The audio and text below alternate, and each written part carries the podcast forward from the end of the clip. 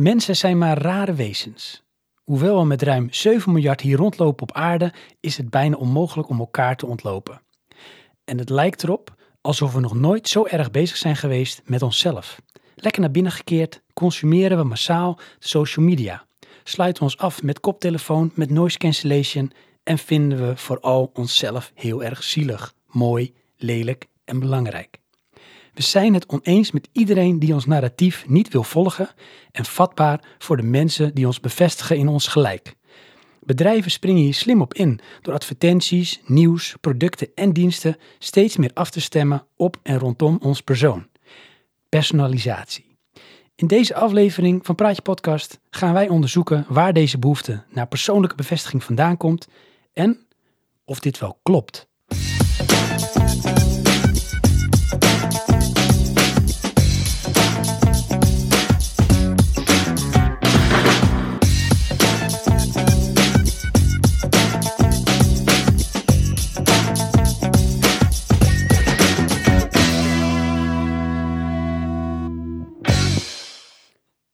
Johansson, Sven. goeiedag. Ik heb je, win ik heb je helemaal niet goed geïntroduceerd. Nee. Ik zeg gewoon Johansson. Ja, we beginnen gewoon zo. Wappa. Ja. Maakt het ook uit, want lieve luisteraars, leuk dat jullie weer luisteren. ja. Ik had namelijk wat nieuws bedacht. Oh. Ja, moet je nooit doen.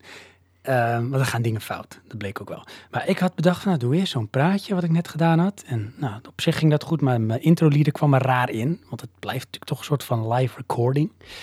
Maar maakt niet uit. En daarna was het dan het idee dat ik dan jou, Johan, ging introduceren. Ja. Voor Nou, bijvoorbeeld de mensen, hè? ja. En voor de mensen die bijvoorbeeld jou en mij nog niet kennen, die voor het eerst luisteren naar Praatje Podcast. Ja, ja, dat is wel een ding. Hoe vind je dat? Ja, ene Zal ik het even goed doen? Zal ik je gewoon introduceren? Nee. Nee, luister maar gewoon een andere podcast. Jezus, wat flauw. Ja? Oh. Wat weet je wat ik anders had gezegd? Nou, goed, doe maar dan, voor de vorm. Ah, kijk, leuk. Had ik gezegd eh, op gepaste afstand, dan zeg ik veilig in Alkmaar. Daar is zoals altijd aanwezig mijn co-host. De rots in de branding. Mijn persoonlijke Mark Morrison. Johan. En dan moest ik Nou. wat zeggen, of niet? Bijvoorbeeld. Oh, Zo. Hey. Zo. ja. Ja, dank u. Dank u. Hm, hm, dankjewel, dankjewel. Ja. En dan kon ik daarna zeggen van, ik ben Sven, ik ben jullie, jou. Als jij nu luistert, lief luisteraar, ik ben jouw persoonlijke podcast-host van Praatje Podcast. Oké, dit, maar dit, eh, dit vergt wat tweaken. Ja, weet ik, is onzin. Maar één ding wat geen onzin is, Johan. Nou. Wie is onze rots in de branding? Mark? ja, ook. Ik denk voor de mensen die dat niet weten, moeten we misschien ook even uitleggen. We hebben toch misschien, ja, je zou het bijna een soort fetish kunnen noemen. Een soort Mark Morrison fetish. Ja, Ehm Mark je Morrison, dat is gewoon onze, onze Mac. inderdaad. En ja, dat is, dat is wel een beetje onze rots in de branding. Ik bedoelde iemand anders, die komt zo. Maar vooruit, het is weer zo'n doldwaze aflevering, komt die.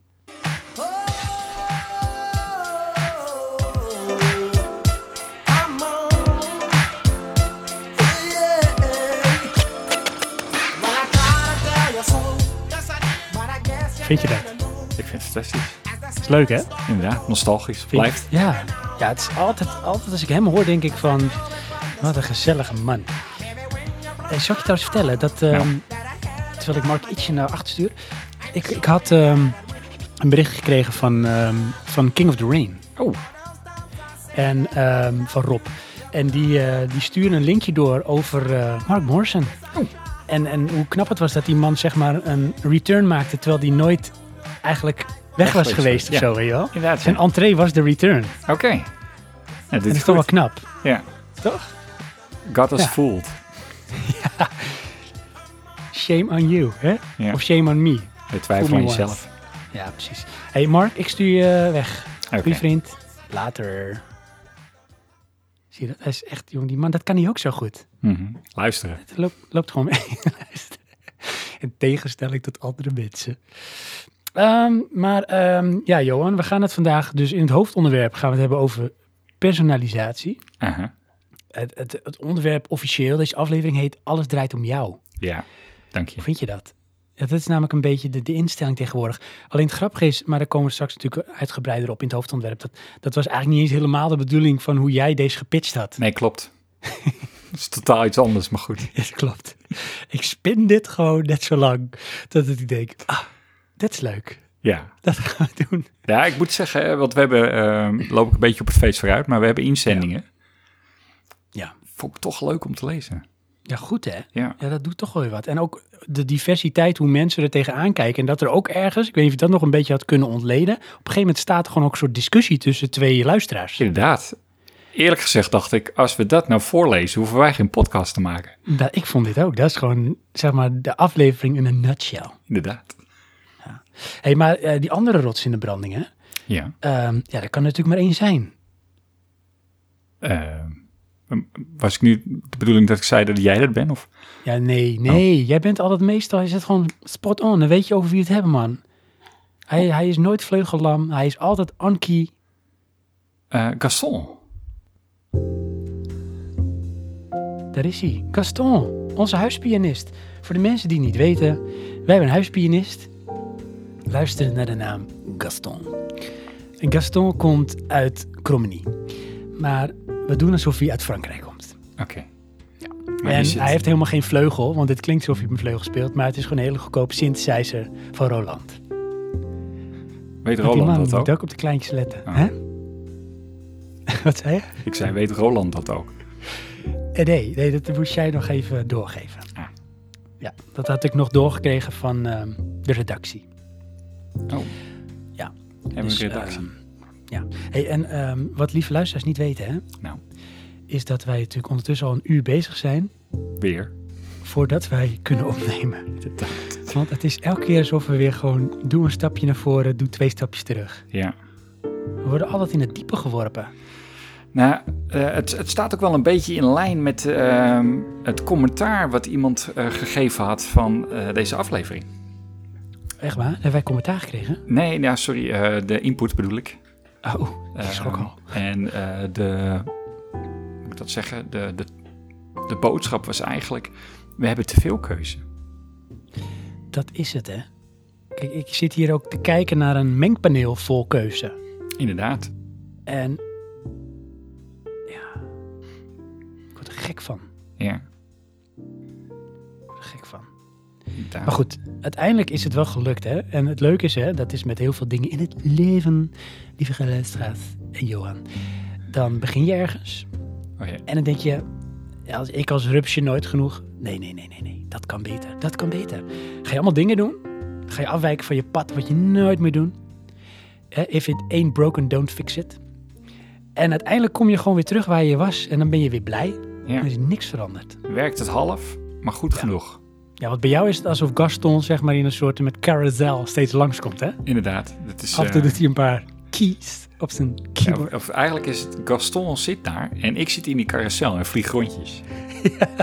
Ja, ja. Eh, voor, ja, precies, voor de lieve luisteraars. Eh, we hebben het nu zo gedaan dat in de mixer komt zo'n beetje alles binnen. Ook Johan.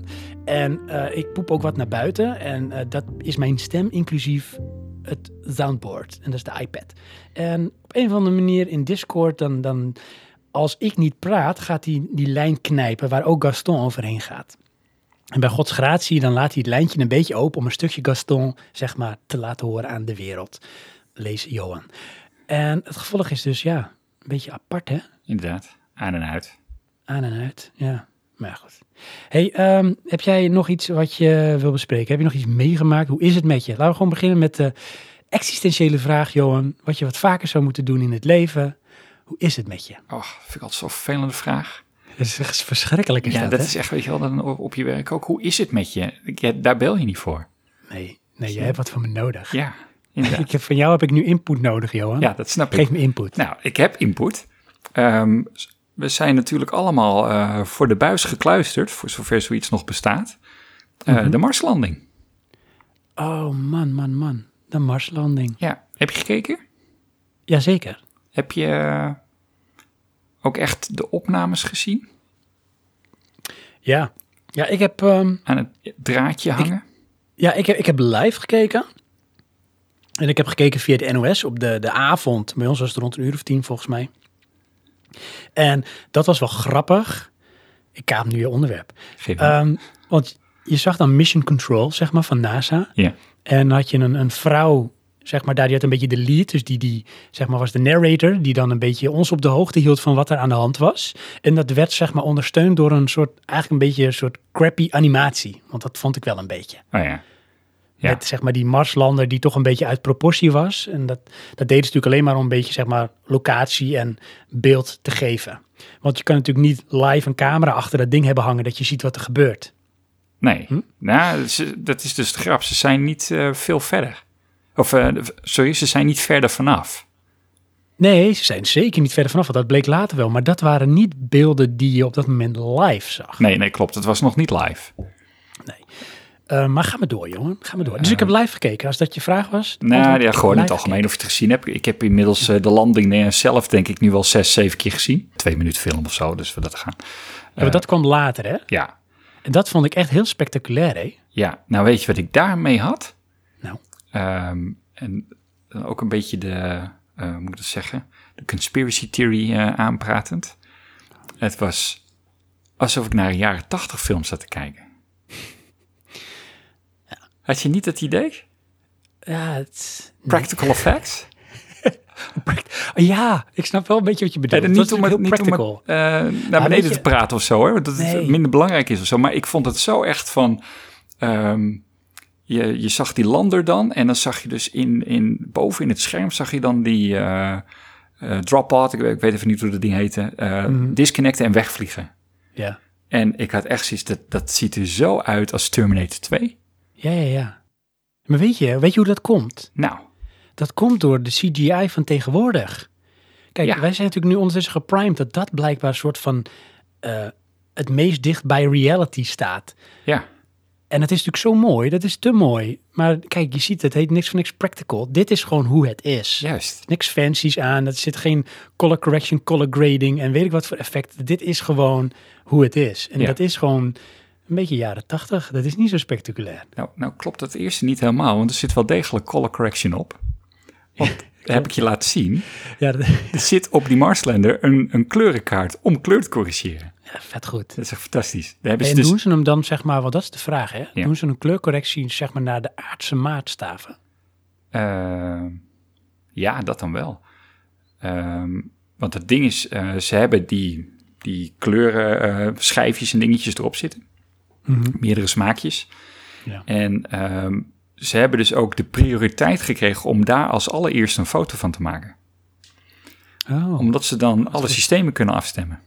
ja, snap ik. Ja, Goed, dat, man. eh, Dan die kun je alles een beetje, hoe noem je dat? Eh, vergelijken. eh, ja. ja, maar dat je het, eh, ja, hoe noem je het? Eiken, zeg maar. Een Ja, beetje klopt, goed. Ja. Dat is letterlijk wat ze doen. Dat is ook wat hij de eerste paar dagen gedaan heeft. Opstarten en eh, afstemmen. Ja. Eh, dat vond ik ook zoiets. Ze hebben dus de, eh, de hele software vervangen. Dat ding is geland en daarna kreeg hij nieuwe software. Oh, echt een soort firmware update. Ja, maar dan wel. Dat, ik heb toevallig eh, vanochtend een stukje geluisterd. Je moet het zien alsof je je auto gaat upgraden naar elektrisch. Mhm. Maar je kan niet even op de reset-knop drukken. Dus het moet in één keer goed gaan. Ja, ja, maar dat is natuurlijk, kijk, dat is natuurlijk met alles wat die missie behelst, hè? Ja, Want dat begint al als ze dat ding eh, vanaf aarde lanceren. ja, Want je kan het maar één keer goed doen. En daarna ja, is het een beetje godzegende greep. Want je kan niet ingrijpen. Ja, je kan op zich ingrijpen, maar er zit sowieso een vertraging in die steeds groter wordt naarmate je verder weg gaat. ja. En sowieso die hele landing hebben ze natuurlijk van tevoren hebben ze natuurlijk helemaal geprogrammeerd. Maar dat is natuurlijk eigenlijk allemaal een beetje theoretisch. En daarna, als hij daar dan op Mars aankomt, moet hij het trucje gaan doen. Maar je weet sowieso pas tien minuten later of dat überhaupt gelukt is. En dat kan maar één keer. ja. Dus bij alles, er zijn zoveel momenten daar ook waarbij dingen fout konden gaan. omdat ja. het zo afhankelijk was van, nou weet je, we moeten er maar van uitgaan dat het klopt zoals we het hebben bedacht. Ik heb Echt een eh. YouTube-filmpje gekeken. Ehm, ik nou, hangen me er niet van op aan de cijfers, maar volgens mij zijn er sinds de jaren 60 Ja. ehm, 48 vluchten naar Mars geweest, Ja. Waarvan eh, twee derde gewoon gefaald. Oh, ik heb iemand live in uitzending, Oh. sorry, tussendoor. Weet je wie ik in de uitzending heb? Nou, Mijn vrouw met mijn zoon. ah, Abel die wil niet slapen. Abel is een klein beetje verkouden. Oh. En Abel die zingt dan lekker graag in zijn bed. zinkt. Ja, een soort levenslied. Oké. Een beetje zeg maar de tranentrekkers. Bijna letterlijk. En eh, die kwam even acte de présence eh, geven. Nu is hij weer weg. Dag Abel. Dag vrouw. Dat was Abel. Voor de kijkers thuis, ehm, Ja. Sven zwaait. Ja, het luchtledig wat. Dat weten luisteraars ook niet, hè? Nee? Jij kan mij zien, Ja, ik jou niet. Ik kan jou zien, ja. Het is een beetje, Johan, weet je hoe dit nou is? Nou, Ik, ben, ik ben Perseverance. ja. Ja, nou, ik had je gewoon uit de lucht laten vallen, maar goed. Ja, want ik, ik, zie jou, ik zie jou niet, jij mij wel. Inderdaad. Ja. En jij hoopt maar dat wat ik doe niet gek is. Nee, en dat je doet wat ik zeg, maar het werkt niet. Ja. Nee, klopt. Maar ik moet zeggen, hè, over, over die Marslandingen. Nou, eh, ik ben ook benieuwd of lieve luistert, eh, luisteraars het gezien hebben. Hè? Dat ja, sowieso. Ehm, ik heb ook meteen weer een beetje een soort met ehm, space boost gekregen. Ja, ik ook. Ik was echt helemaal hyped. Ik heb eh, die, Ja. die, die na-persconferentie, die heb ik gekeken. Duurt, ik geloof, anderhalf uur. Ja. En dan hoor je al die techneuten praten. En ik, d- dat vond ik echt heel goed van ze. Ehm, Ze weten het te vertalen, zodat iedereen het begrijpt. Knap, hè? Ja, Ik vreet het ook op als zoete koek dan, jongen. Ik geef me meer. ja. Maar ik, ik ben bijvoorbeeld ook... eh, ik ben ehm, documentaire gaan kijken over de Challenger. Want ik raakte van het ene beetje in het andere. Weet je, een beetje meer in NASA en zo. En dan zie je ook, zeg maar, in die tijd van de Challenger... Hè, met de Space Shuttle dat misging en later ook met Columbia... Ja. dat ehm, NASA was natuurlijk ook wel een beetje een, een eh, hufterige, hufterige organisatie, hoor. Misschien is nog steeds wel. Eh, Oké, dat eh, weet ik dan even niet, maar goed. zeker ten tijde van de Challenger, zijn er gewoon echt cruciale fouten gemaakt waarvan men wist dat ze gemaakt werden. Alleen eh, Amerika had zo'n strak schema qua eh, lanceringen van die shuttle. Want de Space Shuttle moest het succesnummer worden. Ja, Mocht niet falen, is heel veel in geïnvesteerd. ja, En het leek ook wel te gaan lukken. Alleen toen hadden ze zoiets van, ja, maar nou willen we ook minimaal elke zoveel weken willen we een lancering of elke zoveel maanden. En er was geen wijken, dat kon niet. Maar toen bleek dus met een van die eh, grote aandrijfraketten, ja. die zeg maar dan de shuttle sowieso eh, de eerste minuut eh, zeg maar moet lanceren, dat er problemen waren met die O-ringen. En dat is eigenlijk een heel simpel onderdeel van die raket, want die, die, die, die raketten, die stuurraketten, die bestaan uit soorten met compartimenten die op elkaar geplakt zijn als het ware met zo'n O-ring. Mhm. Die houdt dan zeg maar die twee delen aan elkaar. Alleen wat bleek nou? Dat die O-ringen waren heel gevoelig voor weersveranderingen. En toen ten tijde van die Challenger en dus ook het ongeluk, was het heel koud. En ehm, ze moesten dat systeem koelen. En dat doen ze dan met water, maar omdat het zo koud was, bevroor dat. En dan kreeg je ijspegels. Ja, En toen waren ze dus bang dat die ijspegels eh, ja, die shuttles zouden beschadigen. Eh, dat gebeurde overigens niet, maar die kou en ook dat bevriezen van het water zorgde ervoor dat die O-ringen heel stijf werden en daardoor broos. ja, En toen kwam er dus een soort met ja, opening tussen twee delen van die stuurraket, waardoor dus ehm, waterstof naar buiten lekte. En toen zag je dus op een gegeven moment ook in de extreme close-up beelden van de analyse, nadat het ongeluk allemaal gebeurd was, maanden later, weet ik, whatever. ehm, dat je dus eh, ja, steekvlam zag uit die stuurraket. En dat ding is toen ook gewoon daardoor geëxplodeerd. ja. En NASA heeft het een hele lange tijd proberen onder zeg maar, de hoed te schuiven en te ontkennen. Totdat er dus een van de interne mensen van de leverancier van de stuurraket dat naar buiten bracht eh, bij een krant. En toen moesten ze wel met de billen bloot. Aha. Kun nagaan, hè? Dat Ja. zijn een beetje boefjes, hoor. Ja, vind ik toch ook weer een beetje Amerikaans. Hè? Ja. En de, de man die zeg maar dat hè, want ze hadden toen een gesprek gehad met die lui van de stuurraket van we moeten niet gaan lanceren en die doen het wel. Ja. overrulen het. Die man die dat eh, toen had gezegd, was ook iemand van NASA, die is daar nog steeds toch wel een soort van trots op dat hij dat gedaan had. Oké. Want hij zei, dit is eenmaal een vak met risico's en je komt nooit verder als je dat niet durft. Maar het staat natuurlijk nergens op, dit was gewoon te voorkomen. Ja. Dat gewoon puur met een soort schema te maken. ja, een beetje apart. Dus ja, Hoe dan ook. Ehm, ja. Mars. Wij hebben recentelijk de film The Martian weer gekeken. Oh jeetje. En Oh, die tof. opening begint met een storm. Ja. In die persconferentie verwijzen ze naar die film dat dat niet kan. Echt waar? Ja, er, er kan wel een storm zijn op Mars. Ja. Alleen die heeft nooit de kracht om een ruimteschip om te duwen.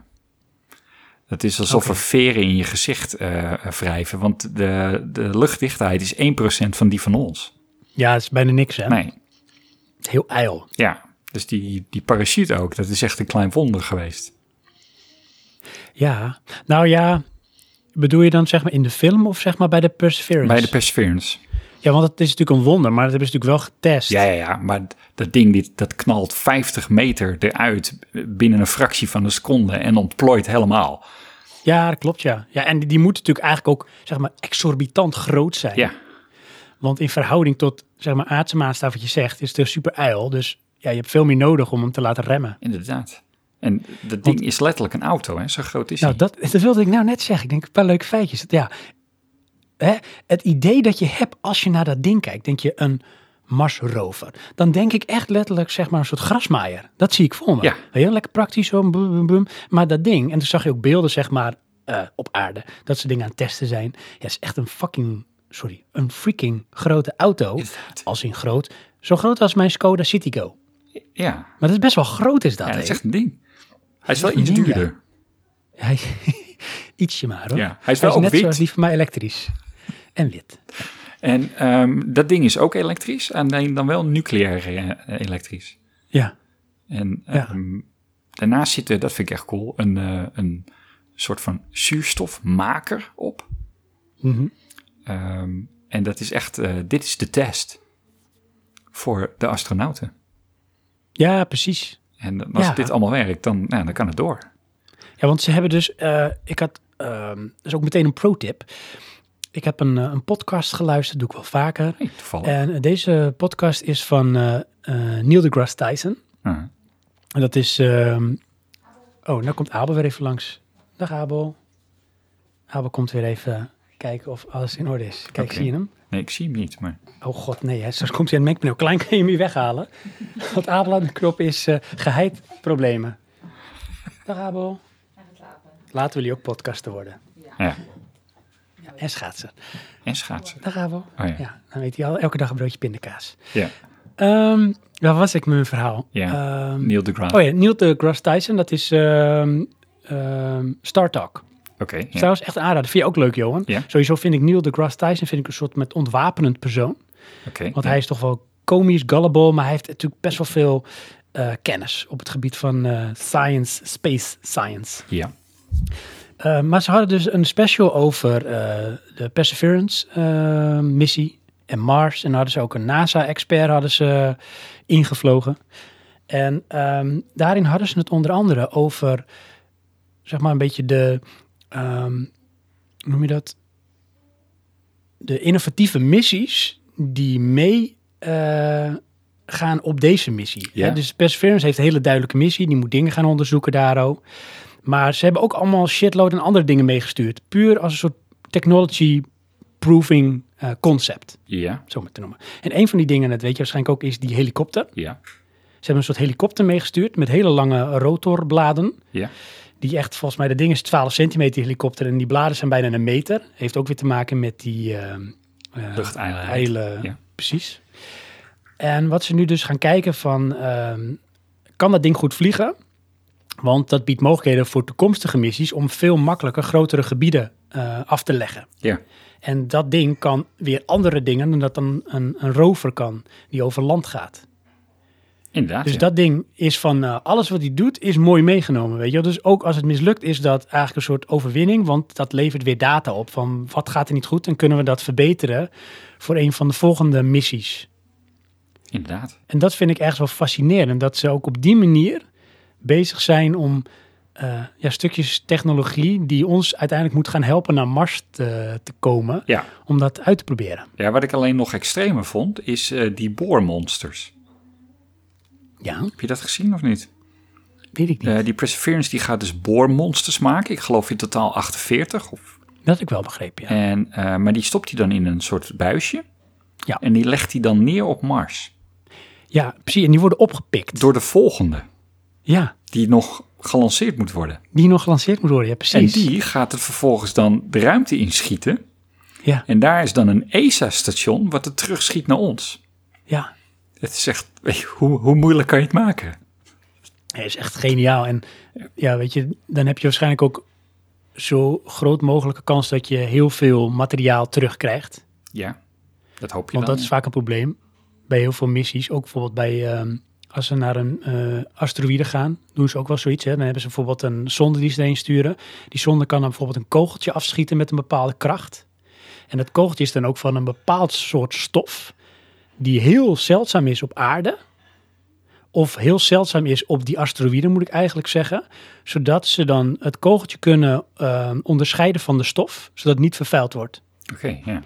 En dat ding schiet dan bijvoorbeeld eh, met een snelheid van een eh, kogel uit een pistool, schiet hij dan het kogeltje af. Komt heel veel gruis los en dan probeert hij zonder dat op te vangen. En dan bij Gods gratie krijgen ze dan zoveel gram stof mee terug. Ja, dat is natuurlijk, ja, weet je, hou je relatief weinig shit over. En met dit heb je natuurlijk, ja, hele mooie preparaten. Alleen het is natuurlijk best wel eh, omslachtig. ja.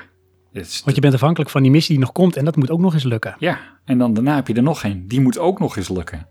Ja. En dan heb je het eindelijk hier en dan moet je nog eh, heel naar beneden zien te krijgen. En had je ook, dat vond ik ook zo mooi bedacht, hé. Ehm, zeg maar de, de, de ehm, iteraties van, ehm, van die rovermissies met de manier hoe zo'n ding op Mars landt. Eh, dat- Want het begon natuurlijk heel erg eh, eh, veel jaren missies terug met, je had Curiosity volgens mij.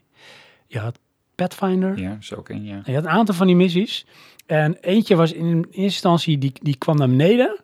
En voordat hij dan eindelijk landde, was er een soort met airbag effect. Dat er allemaal airbags om hem heen gingen. Ja, En dan stuiterde die eerst gewoon nog een heel stuk door. En waar hij dan tot stilstand kwam, dan klapte die airbag uiteindelijk helemaal open. En dat was dan ook het, het platform waar hij dan op stond, het karretje. En dan ging hij eruit. ja, Nou, het was wel een godswonder dat dat lukte, hoorde ik later. Want ja, er is natuurlijk heel veel kans op schade als zo'n ding ontzettend lang doorstuitert. ja.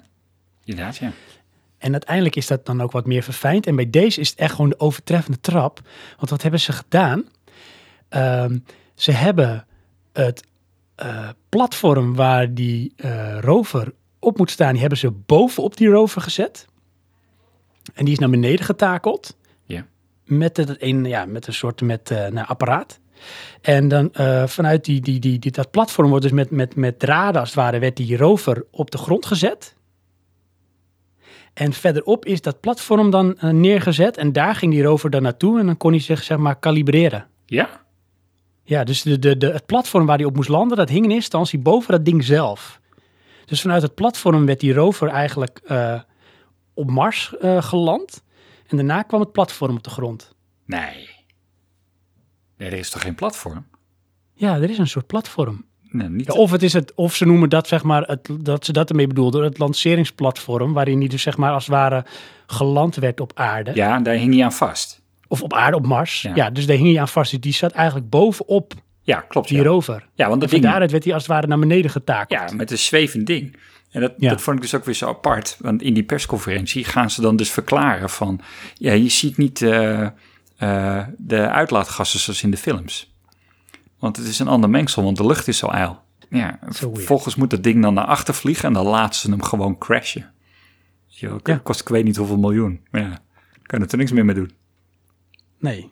nee, echt ja. En, en eh, ja, dat moet dus ook allemaal in één keer moet dat, eh, moet dat lukken. Ja, Maar je ziet het wel. Het, het spreekt weer gewoon tot de verbeelding. Hè? Je wordt er ook gewoon weer enthousiast van. ja. Of weet je hoe dat ding heette trouwens? Ik, ik had het inderdaad. Het was de Sky Crane. ja inderdaad, de Skycrane. Dat, De eh, Sky Crane. En die, die had dus met die, met die takeltjes op. Ja. En dan, dan werd er zeg maar. eh het is echt een ja, een soort. Zo'n Russisch poppetje. Van er was eerst dat die, die soort lander. En daaruit kwam dan die Sky Crane. En daaruit kwam dan zeg maar Perseverance. Ja. En dan hebben ze eerst nog de shield die ze ejecten. Terwijl die eh, aan die eh, parachute hangt. Ja, want die shield die moest er dan weer voor zorgen voor de hitte. Want je gaat natuurlijk toch door de atmosfeer daar. En dat levert heel veel warmte op. Ik, eh, Echt. inderdaad, ik heb meermalen gekeken. Ik vond het, blijf het interessant vinden. Ik zit ook echt geregeld te checken van, is er nog nieuws? Ja. Ehm, wat ik niet gedaan heb, is eh, bijvoorbeeld al die foto's bekeken. Ja, ik wel. Maar er is nog niet zo heel veel, moet ik zeggen. Hè? 7000 foto's. Oh, die heb ik dan nog niet gezien. Zijn die al in te zien? Nee, ik weet niet of ze allemaal in te zien zijn. Ik weet, eh, er staat een teller over eh, ehm, zoveel foto's zijn er al. Ja, oké. nee, ik, ik, ik pik meestal wat op wat er dan bijvoorbeeld via NOS of via NASA dan zeg maar oppopt in het nieuws of via Twitter. En dan zie je bijvoorbeeld een prachtige foto van eh, de eerste meters die Perseverance heeft gereden. Ja, zie je zeg maar zijn rupsbandenspoor zo. Dan denk je, wow, cool. En een foto van zeg maar volgens mij het landschap. En, eh, En dat was dan wel, ja, rotsen. En het was wel grappig. Ik weet nog niet of dan een kijker dat gedaan had of NASA. Ik dacht een kijker iemand geïnteresseerde via Twitter, die had ehm, een van die foto's, had hij gecolor correct zelf. Oké. Ook een beetje naar, zeg maar, de, de, de white balance had hij aangepast naar een beetje aardse maatstaven. Ja. En daardoor leken die stenen veel meer op vulkanisch gesteente. Oh ja. En toen was ook zijn vraag van, is dit ook een soort vulkanisch gesteente wat daar ligt? Want nu zag je dat veel duidelijker nadat die foto, zeg maar, ge- gecorrigeerd was. Ja. Ja, daar zijn ze Het zag er meteen aardser uit. Dat is wel heel apart. Ja, ik vind ook, eh, het is, eh, weet je wel, eh, we hebben dit allemaal gezien in Star Wars en in Star Trek en weet ik het wat. Ja. Ehm, alleen dan, ja, daar was het wel nep. Ja, en hier is het dan echt, dat is echt, dat is raar. Ja. Ja, dat, is een beetje hetzelfde als waar we mee begonnen van. Het is ehm, zo echt eh, dat het niet voldoet aan het beeld wat jij in je hoofd hebt wat nep is. Klopt. Dat is echt zo. Dat is raar. Dus die, Marslander. Ja, nee, cool.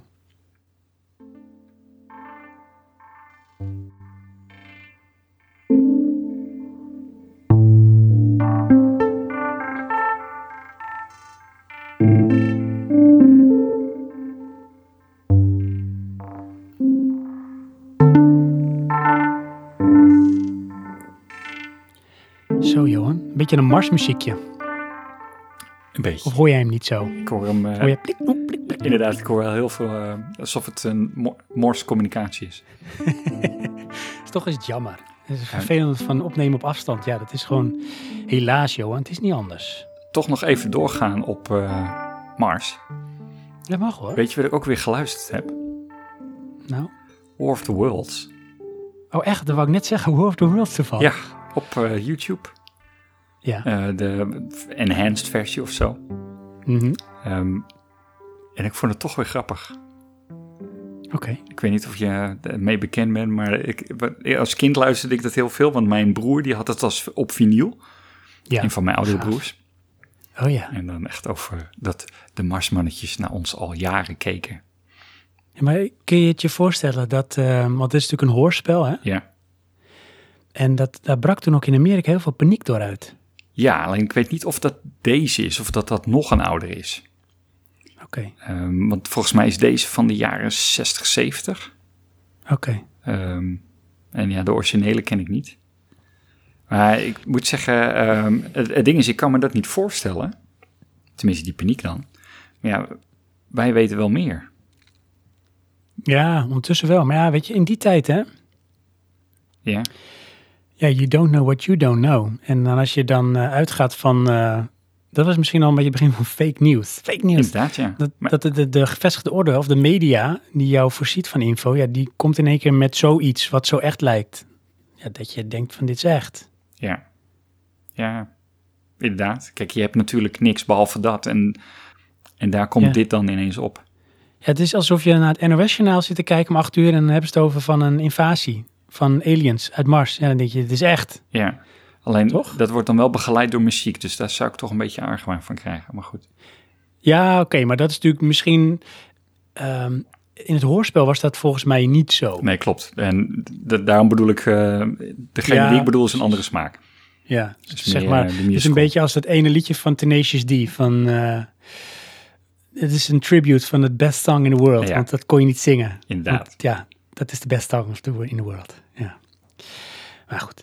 Ehm, Heb je ooit ik film te gezien? denken of ik nou ook nog iets had. Wat zeg Heb jij? je ooit de film gezien? De oude. Worlds? Nee, nee, alleen die nieuwe. Ja, alleen die met Tom met met Cruise. eh, Tom. Tom. Tom Cruise. Baseballbat Ja. Tom. Ja. ja, klopt. En Tim Robbins speelt er ook in. Is de buurman of zo?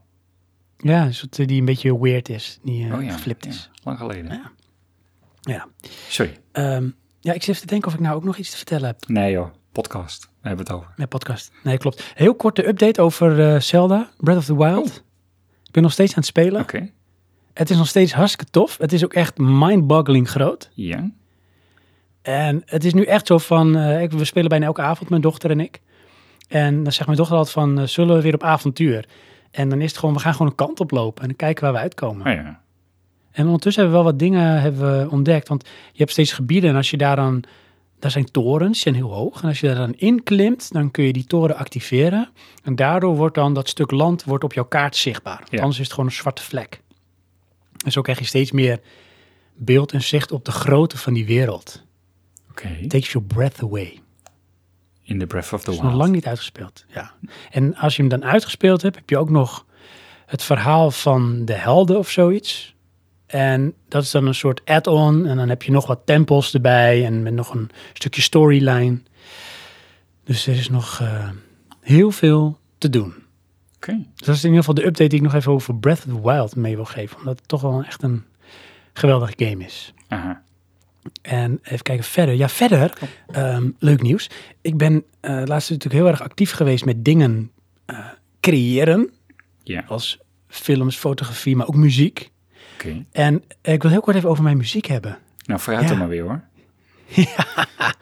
Oh, wat leuk. Ik had namelijk een, eh, een, een, topic eh, was ik begonnen op het eh Buttonbashers forum. Daar is hij, leuk. En eh, dat was van eh, u roept en ik maak de muziek. Dat is het topic. En het idee was om mezelf ook een beetje te challengen van ehm, hoe makkelijk of moeilijk is het voor mij om muziek te maken eh, op basis van iemands eh, voorkeur of suggestie. Van ik, ik wil dat je zo'n soort liedje maakt. Dus ik krijg eigenlijk een, eh, een soort opdracht. En normaal gesproken maak ik muziek een beetje organisch. Dus ik begin iets en dan plingelik en dan in één keer ontstaat er iets. En dat ga ik dan doen. Dus ik heb nooit echt een heel plan van tevoren. Ik heb een plan van ik ga muziek maken. Ja. Maar nu heb je eigenlijk een, ja, je hebt een soort set aan randvoorwaarden die je meekrijgt. Van nou, hier moet het een beetje aan voldoen. Ja. Met nog natuurlijk een stukje creatieve vrijheid. Maar dat is juist wat men dan leuk vindt. Want ga hier maar iets wat van maken. En dat heb ik dus gedaan.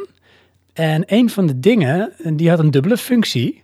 Want dat was namelijk eh, in eerste instantie het liedje dat ik voor jou had gemaakt. Voor mij. Voor een van jouw videoopnames. Over eh, iets van de sneeuwperiode. Ja, We hebben sneeuw. natuurlijk, Ja, eh, klopt, een paar ja. weken geleden hebben we sneeuw gehad. Ja.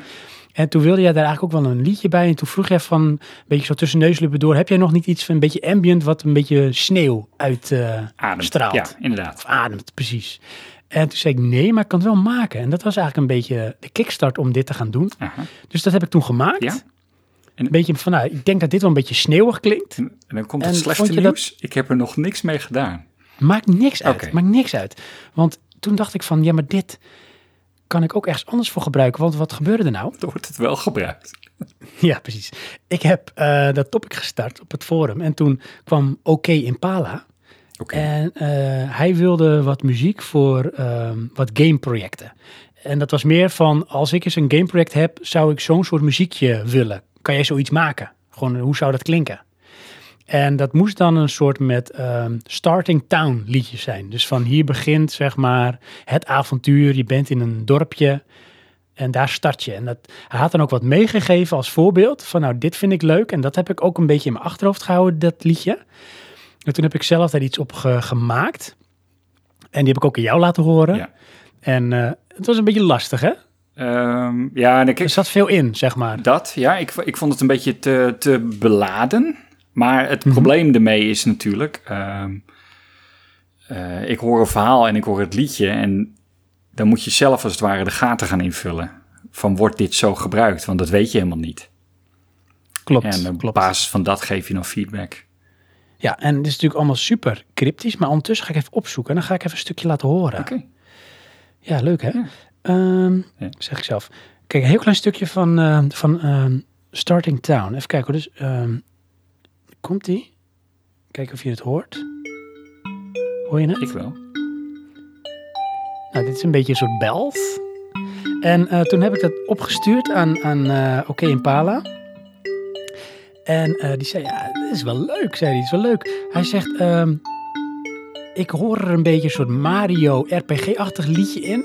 En hij zei, in plaats van dat ik er emotioneel van werd, werd ik er vrolijk van. Toen dacht ik, ik weet niet hoe ik dit moet interpreteren.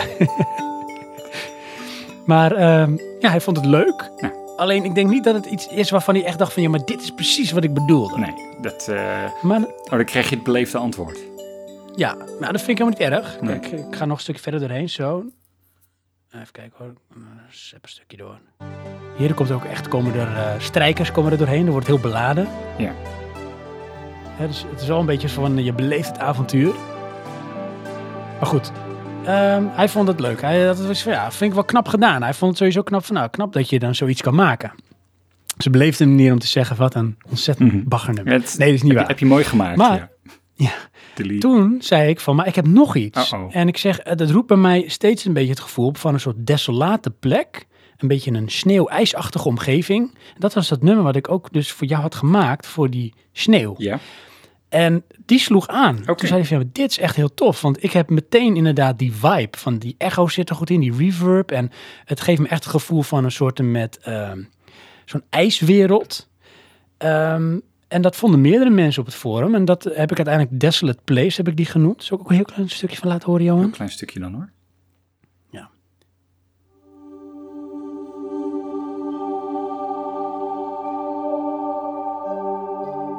Je zit heel veel echo zit erin, alsof je ergens in een verlaten sneeuw-ijsachtige wereld bent, een planeet, alleen jij. En het is een beetje onheilspellend, maar ook ontdekkend. Ja, en eh, eh, Wat gebeurt een hier? soort van berustend. Ja, weet je wat mezelf eigenlijk aan deed denken? Dat is heel gek, Nou. hè? Achteraf kan dat ook in retrospectief je ergens aan doen denken. Aan eh, Metroid Prime. Freeze. Je had op een gegeven moment ook zo'n ijswereld en het heeft ook een klein beetje die vibe. En het, het geeft ook maar weer aan dat eigenlijk, ehm, terwijl ik deze naar de achtergrond schrijf, dat geeft ook maar weer aan dat in feite denk je origineel te zijn, hè? maar bewust en onbewust word je altijd geïnspireerd of beïnvloed door dingen die je al eens hebt meegemaakt of gehoord. Zo werkt het gewoon. helaas, maar waar. Ja. Of misschien goed. Maar goed. waar. Eh, dit was leuk en eh, ik kreeg op een gegeven moment meer eh, verzoekjes, ook hele flauwe. Eentje van Oldschool volgens mij. Die zei van, ik wil gewoon ragharde gitaarmuziek. Kun je dat maken? Nou, dat wordt een beetje moeilijk. En de overtreffende trap was Dynamite. Die wilde een liedje dat klonk als een dag op vakantie in Frankrijk. En dan had hij een heel verhaal over vervelende kinderen. En het moest uiteindelijk eindigen met eh, een vervelende mug. En toen zei ik, nee, doe me niet. Ah, nee, doe maar wel. Een klein mugje die je dan hoort wegvliegen. Vervelend mugje. Dus dat, daar moest ik dan wat mee. Oké. Nou, heb ik nog niet gedaan. Nog niet. Nee, kom misschien nog een keer. Hmm. Maar Maar, ik kreeg ook een berichtje, uh-oh. een direct message van King of the Rain. Tuurlijk. Want King of the Rain, die wilde voor zijn YouTube-kanaal, dat is Noob Extraordinary, ehm, wilde hij een intro- en outro liedje. En een beetje synthwave-achtig. En de intro moest dan een beetje upbeat zijn. En de outro moest een beetje chilled zijn. Maar het mocht een beetje hetzelfde liedje zijn, maar dan iets low-key.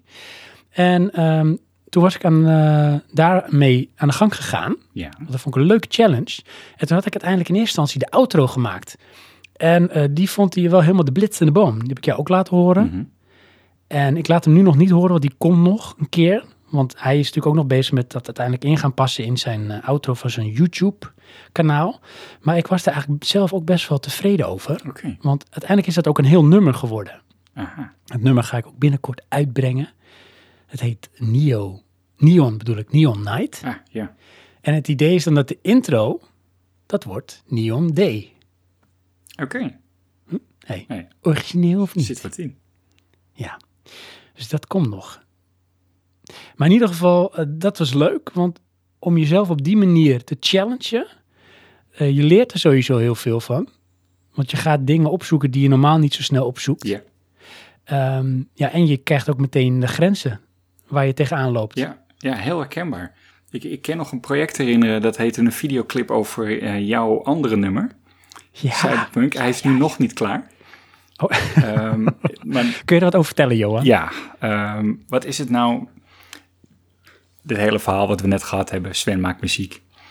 En ehm, ik hoor dan zo'n liedje en dan denk ik, hé, hey, maar wacht eens even. Ik heb een idee voor een videoclip.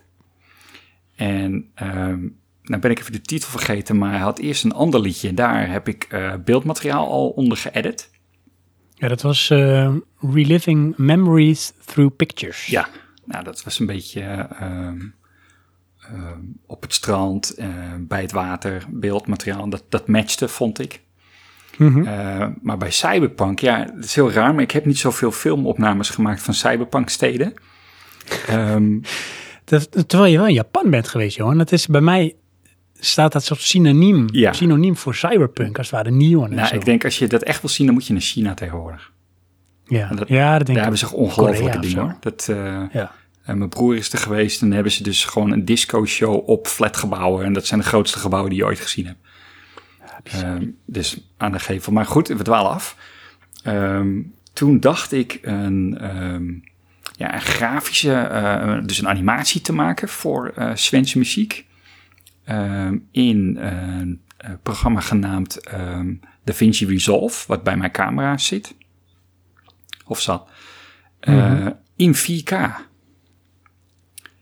Ja, je zoekt het dan ook meteen ook op, Johan. Dus de goden verzoeken dit? Ja, nou, dan kom je dus van de ene ellende in de ander. Want mijn computer is niet snel genoeg en um, een test renderen, uitrenderen, dat kost een enorme hoeveelheid data. En ik wilde iets simpels, maar dat lukte me niet om dat te maken, want dat was dan gewoon te zwaar voor mijn systeem. Dus moest ik gaan pre-renderen. En op een gegeven moment was ik daar klaar mee. Toen dacht ik, ik maak het wel helemaal in 3D. En dan kan ik dat synchroniseren. En toen kwam ik er daarachter dat uitrenderen in 3D, dat ging... Um, wat was het nou? Ik geloof um, twee tot vier uur duren per frame in 4K. Er zitten 18.000 frames in zijn uh, tijdverhaal. Uh, dus uiteindelijk heb ik het in lage resolutie uitgerenderd en opgesplitst. Uh, en een soort sequentie gemaakt. En ja, ik moet het nog steeds ehm, opnieuw editen in uh, wel 4K. Ik heb wel het materiaal inmiddels.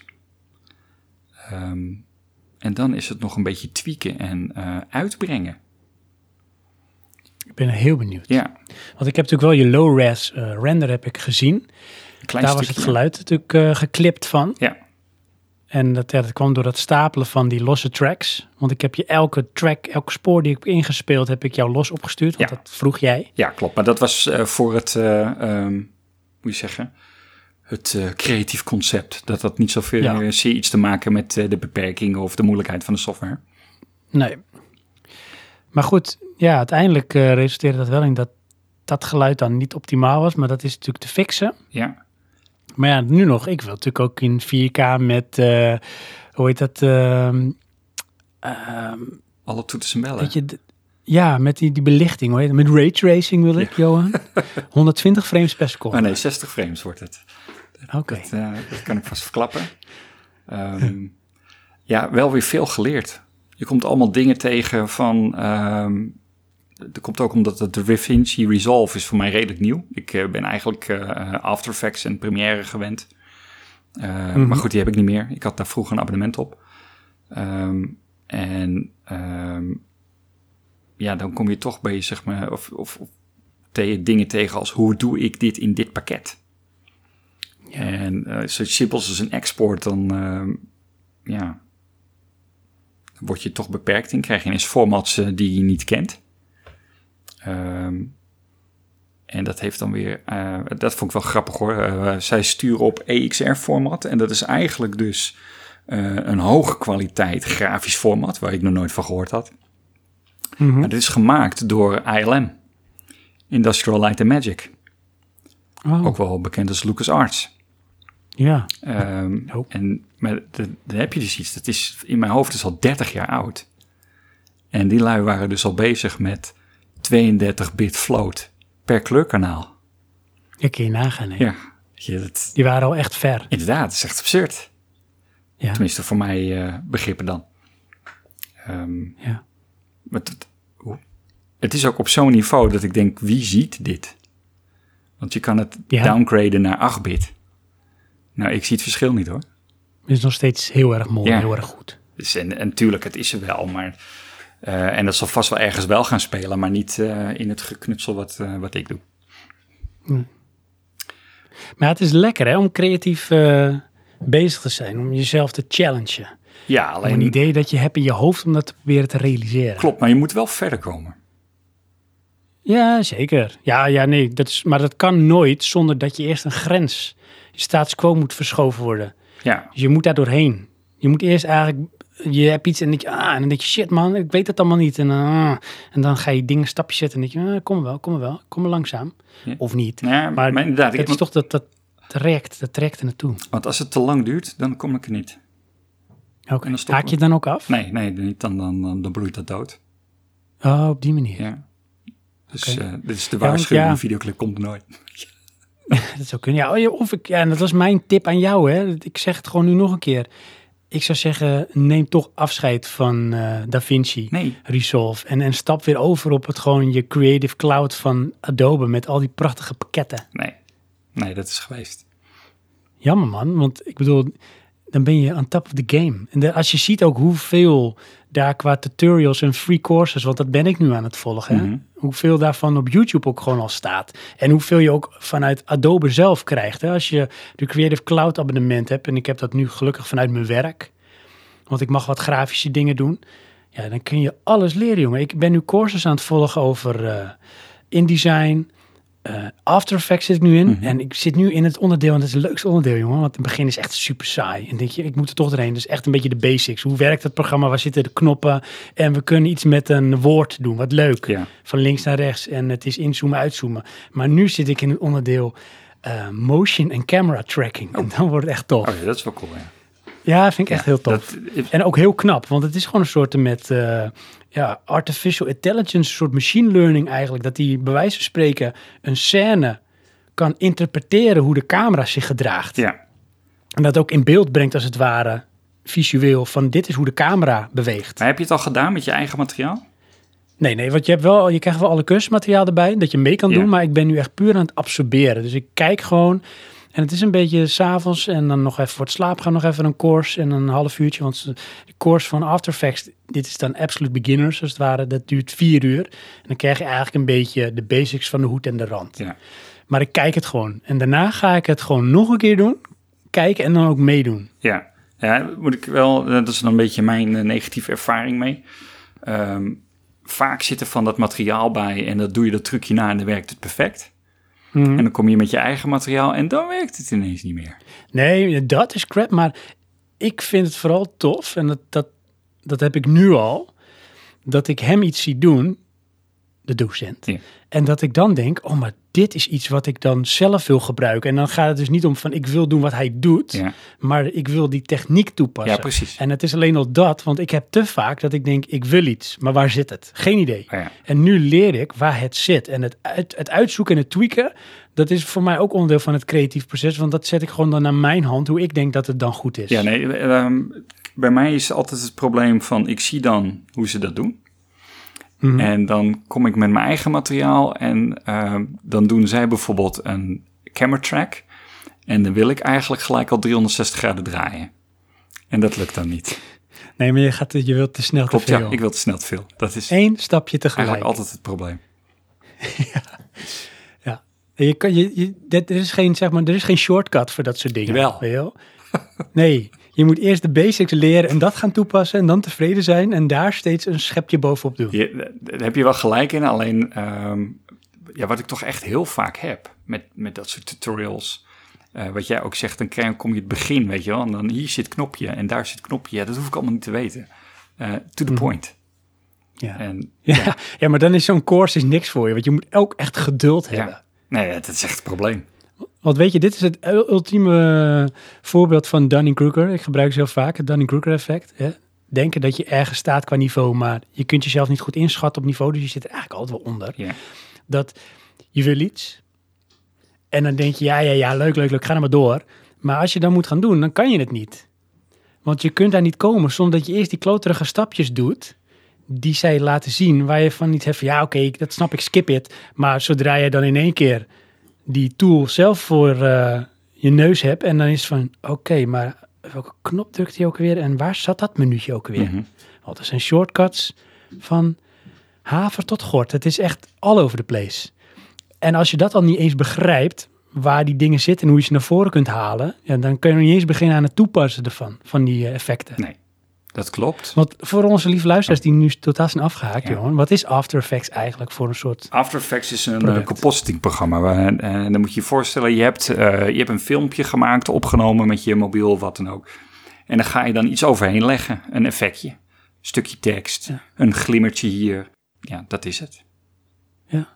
Ja, wat, je, wat tegenwoordig bijvoorbeeld heel populair is, zijn bijvoorbeeld hele mooie dronebeelden of, of ja, gewoon beelden met, met veel beweging erin. En daar kan je dan ook iets mee doen. Bijvoorbeeld dat, de, de, dat teksten bijvoorbeeld ehm, uitlijnen op de beweging van de camera. Of ergens aan vast blijven plakken alsof het daar in de lucht hangt. Bijvoorbeeld een auto die dan rijdt. Dan heb je een soort met eh, titeltje die daar dan precies bij zit.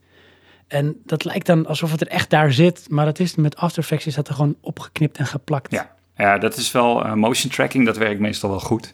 Maar camera Ja. tracking, eh, dat is toch altijd lastig hoor. Ja, ja dat zag ik ook wel daarin eh, in die course. Maar goed, ehm, het is wel een leuke materie hoor. Ja. Moest hij zeggen. Ja. En ik denk ook luisteraars die, dat, die ook wel creatief bezig zijn. eh, die die, eh, die snappen wel waar we het over hebben, zeg maar. Over het proces dan daarvan en de enthousi- het enthousiasme wat je dan kan hebben. Ja, ja, of de frustratie. Ik bedoel, ik heb hetzelfde met muziek maken. Ik wil altijd te snel. Ik weet al, Ja. ik wil dit zo laten klinken, alleen dan krijg ik het niet uit het programma. Maar wat nou, Johan? Dan heb ik echt een fantastische brug heb ik ook hier te pakken. Wat nou als DaVinci Resolve komt met een soort maatproduct. En dat is DaVinci Resolve slash Johan. En die kijkt naar wie jij bent en hoe jij doet. En dan zegt ze, maar als je het nou zo doet. En dan doe jij dit, want jij bent zo als persoon. Dan gaat het jou wel lukken. Ja, dat, Zou je dat dan willen, dat zou ik echt fantastisch vinden. Want dat betekent dat eindelijk software developers een interface maken die mensen snappen. Ja, precies. En dat is niet nou, dat is ook een Om beetje... software developers af te kraken hoor. Maar het is meer, snap je? Een programmeur die maakt iets met de functionaliteit. En vervolgens moet de rest van de wereld dat dan gaan leren op die manier te gebruiken. Oh, ja. Terwijl eigenlijk wil je dus, nee, ik, ik weet al wat ik wil. Alleen eh, om dat te kunnen, moet ik eerst nog gaan leren hoe die software developer heeft nagedacht over hoe je dat in hun programma gaat doen. Mijn god. Dit was eigenlijk namelijk een brug die ik wilde slaan naar het Ja, hoofdonderwerp. het was een brug te ver. Nou, Jammer. Ja, want, ja, want waar gaan we het over hebben, Johan? Eh, pers- personaliseren.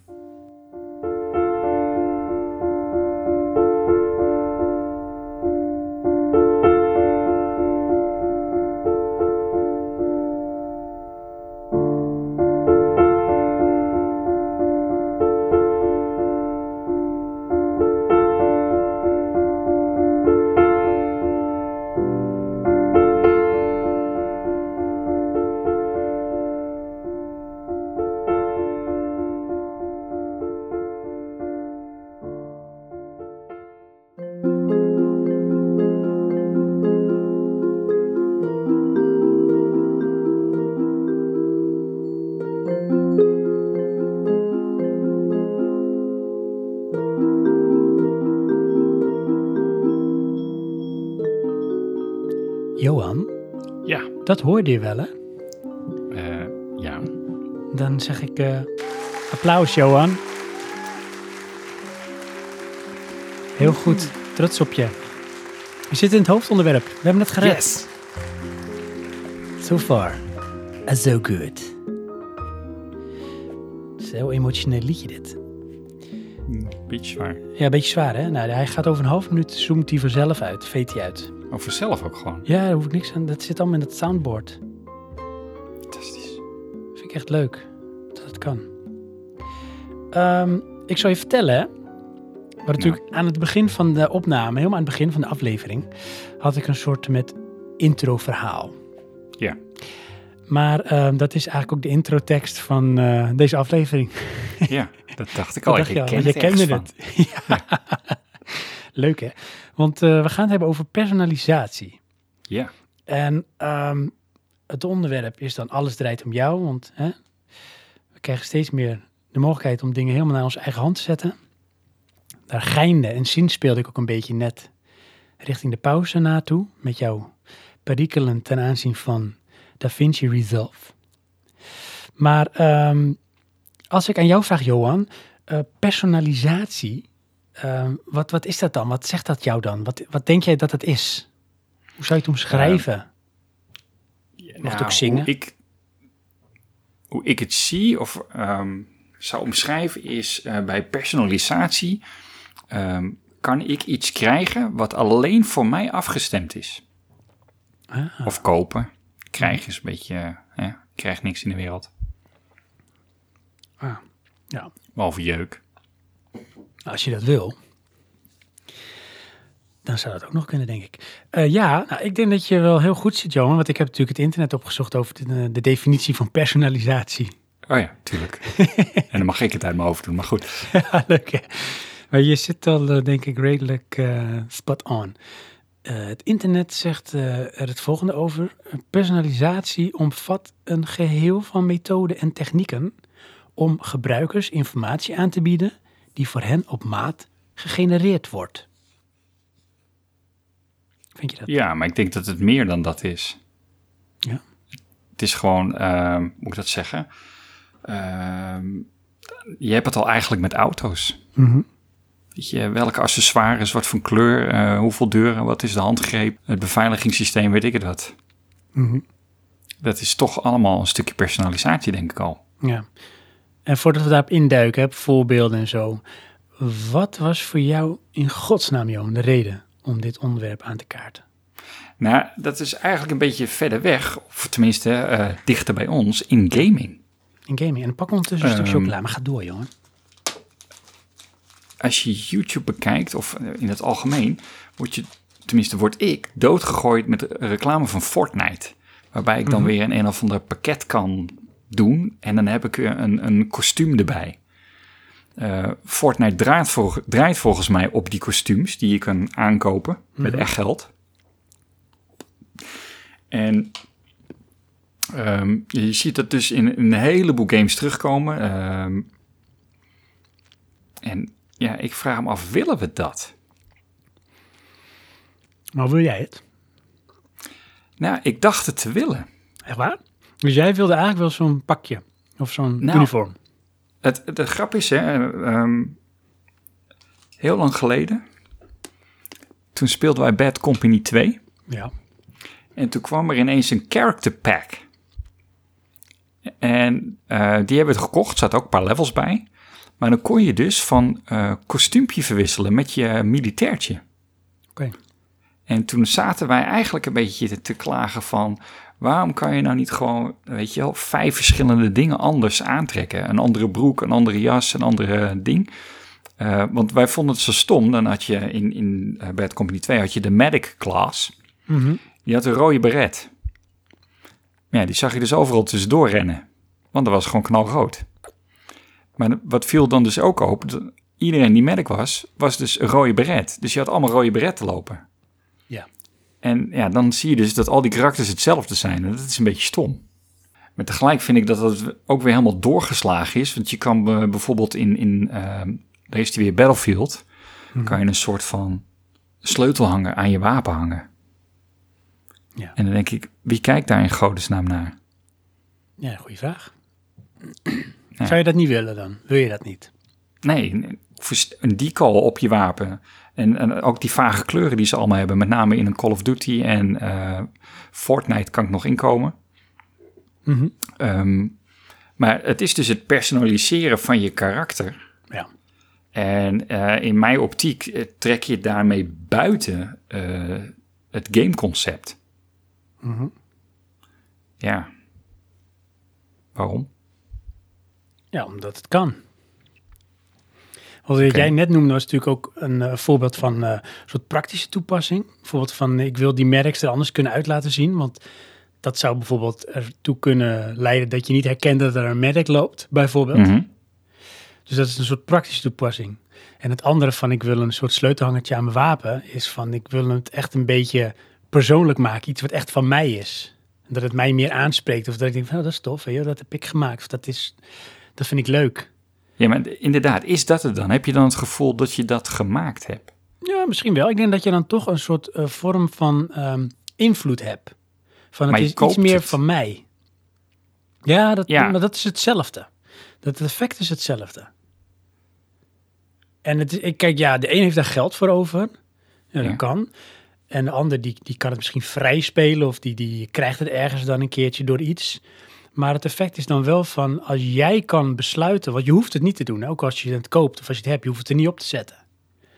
Maar je kunt besluiten dat wel te doen. En dat, Jawel, is, een, maar- dat is misschien Ja. toch een beetje hetzelfde als dat ik bijvoorbeeld vroeger had ik een, eh een bomberjack en daar had ik dan bijvoorbeeld een embleem op van Bad Religion, van die eh, punkband. Ja. En hoef ik er niet op te doen, maar ik vond dat leuk om me zo zeg maar, te uiten. En Ja, dat ook een dat- beetje dat mensen dat zien. En dat roept misschien ook een reactie op. En dat is toch een beetje een stukje van, dan claim je dat als het ware als jouw identiteit. Maar dan vind je dan ook dat je dus jouw identiteit vertaalt naar een online wereld. Nou, dat kan. Ik denk, kijk, je speelt natuurlijk een soort avatar. Ja, Die vertegenwoordigt jou. En ehm, het is niet dat je de pijn voelt als je geraakt wordt door een kogel of zo. Zover gaat het niet. Maar ik kan me wel Nee, voorstellen dat je dan toch probeert die, dat, die avatar die jij bestuurt iets meer persoonlijk te maken. Door hem aan te kleden. Door er iets aan te doen waardoor jij iets onderscheidends kan doen van de rest. Want dat is het leuke. Want anders Ja, is alles weer hetzelfde. En dat hebben we ook in de echte nou wereld mijn- al. mijn ding daarmee. ehm, ik- weet je, dat onderscheidend van de rest, dat snap ik. Dat, dat heeft voor mij ook nog wel ergens een bepaalde waarde. Ehm, hoewel ik daar toch een beetje praktisch mee ben, denk ik dan.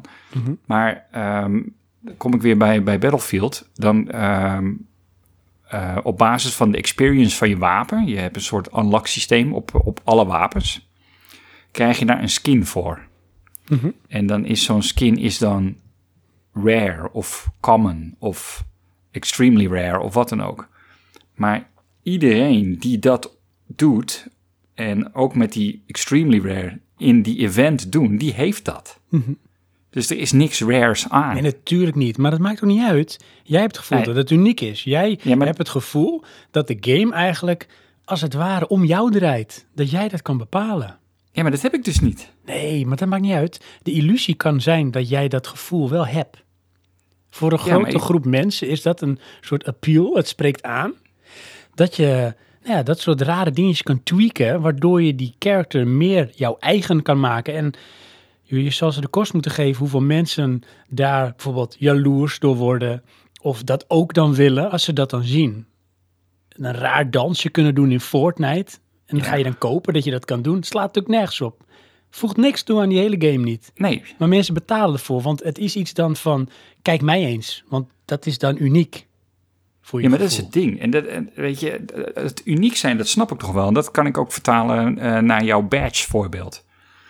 Alleen, eh, wat is het nou? Eh, in de online wereld, in de gamewereld, Ja. daar worden die badges aan iedereen uitgedeeld bij de deur. En natuurlijk. Ja, maar dat is dan toch niet uniek? Nee, maar Dus dan wordt zoveel niet betaald. Dus vraag je toch eens af hoe dat dan kan. Ja, inderdaad. Nee, dat, dat Het is me verslavend. dus ook af. Mensen hebben dat. Het is een beetje, misschien ook een beetje als eh soort verzamelwoede, weet je wel? Het is net als met, met bijvoorbeeld Pokémon of zo. Dat je, iedereen kan bepaalde Pokémons vangen. Maar jij hebt het gevoel dat jij dan degene bent die zo'n Pokémon vangt. En dat is dan jouw vangst, jouw, jouw, jouw ontdekking. Ja, maar daar zit, eh, weet je, dat kan ik dan nog rechtvaardigen met het is een reward voor je, voor je inzet. Ja, en die kan je misschien ook wel kopen. En is het voor sommigen ook nog steeds een reward. Ja, daar kan ik niet helemaal Kijk, bij. het is toch misschien een beetje als... eh, ehm, jij moet bijvoorbeeld als kind zijnde werken voor iets wat jij wil hebben. En jouw buurjongetje die heeft hele rijke ouders en die krijgt het. En ja, allebei kunnen jullie net zo blij zijn met hetgeen wat jullie dan ontvangen. Alleen de een moet er moeite voor doen en de ander niet. Kunnen Jawel. allebei kun je ermee pochen. maar ehm, als jij het dan hebt, hoef ik het niet te hebben. Want dan is het niet meer uniek. En daar gaat het dan om. Als ik zou per- personalizen, dan wil ik dat het uniek is. Ja, oké, maar dat is dan dus een, een bepaalde voorwaarde die jij daaraan stelt. Juist. Van het moet uniek zijn. Ja. En uniek is eigenlijk dat er maar één van is. Klopt. Ik, ik, ik, eh, je hebt zo'n verhaal, ik weet niet of het waar is, maar goed. Ehm, Tom Cruise, ons wel bekend, Mhm. die kreeg de eerste Porsche Cayenne voor nop. Ja. in mat grijs, mat zwart, weet ik veel wat zijn kleur Ja. is. Alleen, eh, ja, toen bleek dat dat op de markt kwam. En toen heeft Tom Cruise hem maar teruggestuurd, want hij wilde alleen iets wat alleen uniek voor hem was. Mhm. En denk ik, ik zou toch niet de Porsche in terugsturen, maar ik snap ergens wel zijn punt. Ja, maar, het is, natuurlijk. maar dat is dus heel subjectief. Eh, dat- ja, dat Dus als jij je eraan stoort, wat stel je nou voor dat ze zeggen van, ehm, ja, het is echt de enige. En hij komt er niet achter dat er ondertussen nog honderdduizend van rondrijden. Kan hij toch nog steeds het gevoel hebben dat het uniek is? Dus dat is toch niet meer dan een gevoel, dus de waarde die je er zelf aan hecht. Eh, dat klopt, dat is zo, ja. Het is de waarde die je er zelf aan hecht. Ja. Ehm, Maar ja, ik denk dan ehm, in de gamewereld. Mhm.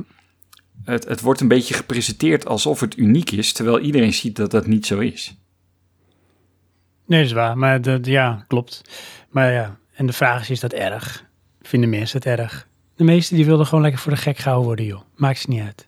Ja, nou goed, ik vind het niet per se erg. Ik vind het alleen zinloos. Het leven is zinloos, Johan. Ja. Kijk, ehm, trek ik het weer op mezelf met Battlefield. Ehm, ik, eh, de dingen die ik daarin heb, die heb ik gekregen door gewoon de game te spelen. Good. En dat vind ik dan leuk, want dan kan ik wat eh, wisselen en dan ben ik even anders als dat je standaard bent. Mhm. Dat is voor mij de waarde. Ja. Maar ik ben niet bezig met, oh, ik eh, kan dan nog die ene skin krijgen en dan ziet mijn wapen ziet er dan paars uit. En dat vind ik echt fantastisch. Mhm. Dat, ja, is niet aan mij besteed. Nee. Nee. Nou, dat dat, eh, dat eh, behoedt je dan ook van een hoop ellende of, of afgunst. Of dat je denkt, shit, ik moet het ook. Ja. Nee, ik, ik, ja, daar ben ik misschien eh, of te oud voor, of te Hollands, of te nuchter. Maar ik, ik denk dan, ja, ik heb die game betaald en dan is het wel klaar. Ja. Het, eh, voor skins eh, zou ik dat niet gauw doen. Maar dat is dus één vorm van hoe je dat als personalisatie zou kunnen zien, hè? Ja. En personalisatie, dat is natuurlijk een heel breed begrip. En zo had ik hem dus ook lekker geponeerd voor Mhm. deze aflevering. Ehm, we hebben ook input gevraagd aan luisteraars. Daar hebben we ook hele interessante reacties op gekregen. Hoe mensen Ja. daar tegenaan kijken. En eh, de discussie neigde vooral richting bijvoorbeeld eh, op maat gemaakte eh, reclame. Die je tegenwoordig heel veel krijgt. Weet je wel? En, en of je daardoor beïnvloed wordt. Of dat je dat prettig vindt. Of juist heel vervelend. Ehm, maar voordat we daarop induiken, hè, op die diverse vormen, laten we eerst even kijken naar de, de kern. En dat zijn wij natuurlijk zelf als een mens. Waar komt, denk jij, eh, de behoefte aan personalisatie vandaan? Aan, aan eigenlijk, nou, als ik het dan eh, personalisatie zou neerzetten als van, ehm, ik vind het fijn als dingen aan mij gepresenteerd worden op een manier dat het lijkt of het echt speciaal voor mij gemaakt is. En het mij bijvoorbeeld makkelijker maakt om bepaalde keuzes te maken. Of het misschien wel mij beïnvloedt of op bepaalde manieren primed. Of een beetje schuurt. Zodat eh, ja, ik een bepaalde voorkeur ga krijgen. Of, of dat ik misschien interesse krijg in iets. Waar komt die behoefte, denk je, vandaan? Ehm, Zit het in de mens? dat vind ik een lastige. Kijk, eh, onderscheidend vermogen, dat vind ik nog wel logisch. Eh, dat men eh, daar met personaliseren zichzelf wil onderscheiden. Maar eh, andersom, waar, we het nu over hebben, afstemmen op. Mhm. Ehm, ja, ik, ik denk dan omdat het dan begrijpelijker wordt of zo. Dat zou het dan moeten zijn. En wat wordt dan begrijpelijker? Nou, als jij ehm, in je bubbel zit en eh, je krijgt gevoed dat van je bubbel, Mhm. en dan snap je ook gelijk waar het over gaat. Oh, ja. Dus dan hoef je, als we het weer betrekken op reclame, dan heb je niet eh, de drempel dat ze jou eerst moeten primen over wat het is, want dat is al ge, eh, eh, vastgesteld. ja. Eh, het, wat ze dan ook aanbieden, is al in jouw belevingswereld. Dan hoeven ze je alleen nog maar te triggeren, vind je het leuk genoeg om te kopen. oh ja.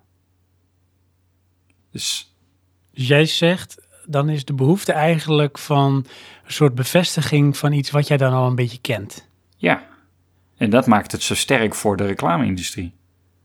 Het- ja, precies. En dat probeer ik dan een beetje te begrijpen. Als je denkt van waar komt dat vandaan? Maar is dat iets wat we dan altijd al als mens hebben gehad? Willen wij bevestiging krijgen? Willen wij bevestigd worden in, in dat we, dat we oké zijn? Of, of dat we heel uniek zijn of heel bijzonder? Oh ja, maar dan, dan betrek jij het weer op persoonlijkheid. Ja, want het is, kijk, je hebt personalisatie. Nou, dat draait om persoon. Bijvoorbeeld Ja. een individu. En als ik dan kijk naar bijvoorbeeld betrekking op bijvoorbeeld het, het aangeboden krijgen van, eh, van content, van diensten, van producten, van nieuws. eh, van, van alles, maar dan echt op jou als persoon geënt. Ja, Dat is blijkbaar iets waar mensen heel vatbaar voor zijn. Dat blijkt nu meer dan ooit als je kijkt naar social media en eh, naar alles wat er in de wereld gebeurt. Politiek, weet ik whatever. Ja, maar dat, dat komt juist doordat eh, de, de beleefwereld waar jij je eh, prettig in voelt, die wordt dus bevestigd. Ja, maar daar is dus blijkbaar, is dat een bepaalde behoefte die we dan hebben. Waarom zijn wij er zo gevoelig voor? Waarom willen we dat zo graag?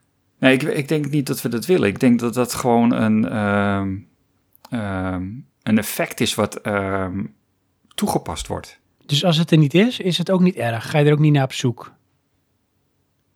Mm, eh, nee, ik denk eh, in de meeste mate niet. In een be- beperkte vorm wel. Want eh, ik Want ga dan een beetje Ja. filosoferen. hè, En dan, dat vind ik altijd wel fascinerend. Want als je kijkt, zoals ik het dan zie, hè, personalisatie.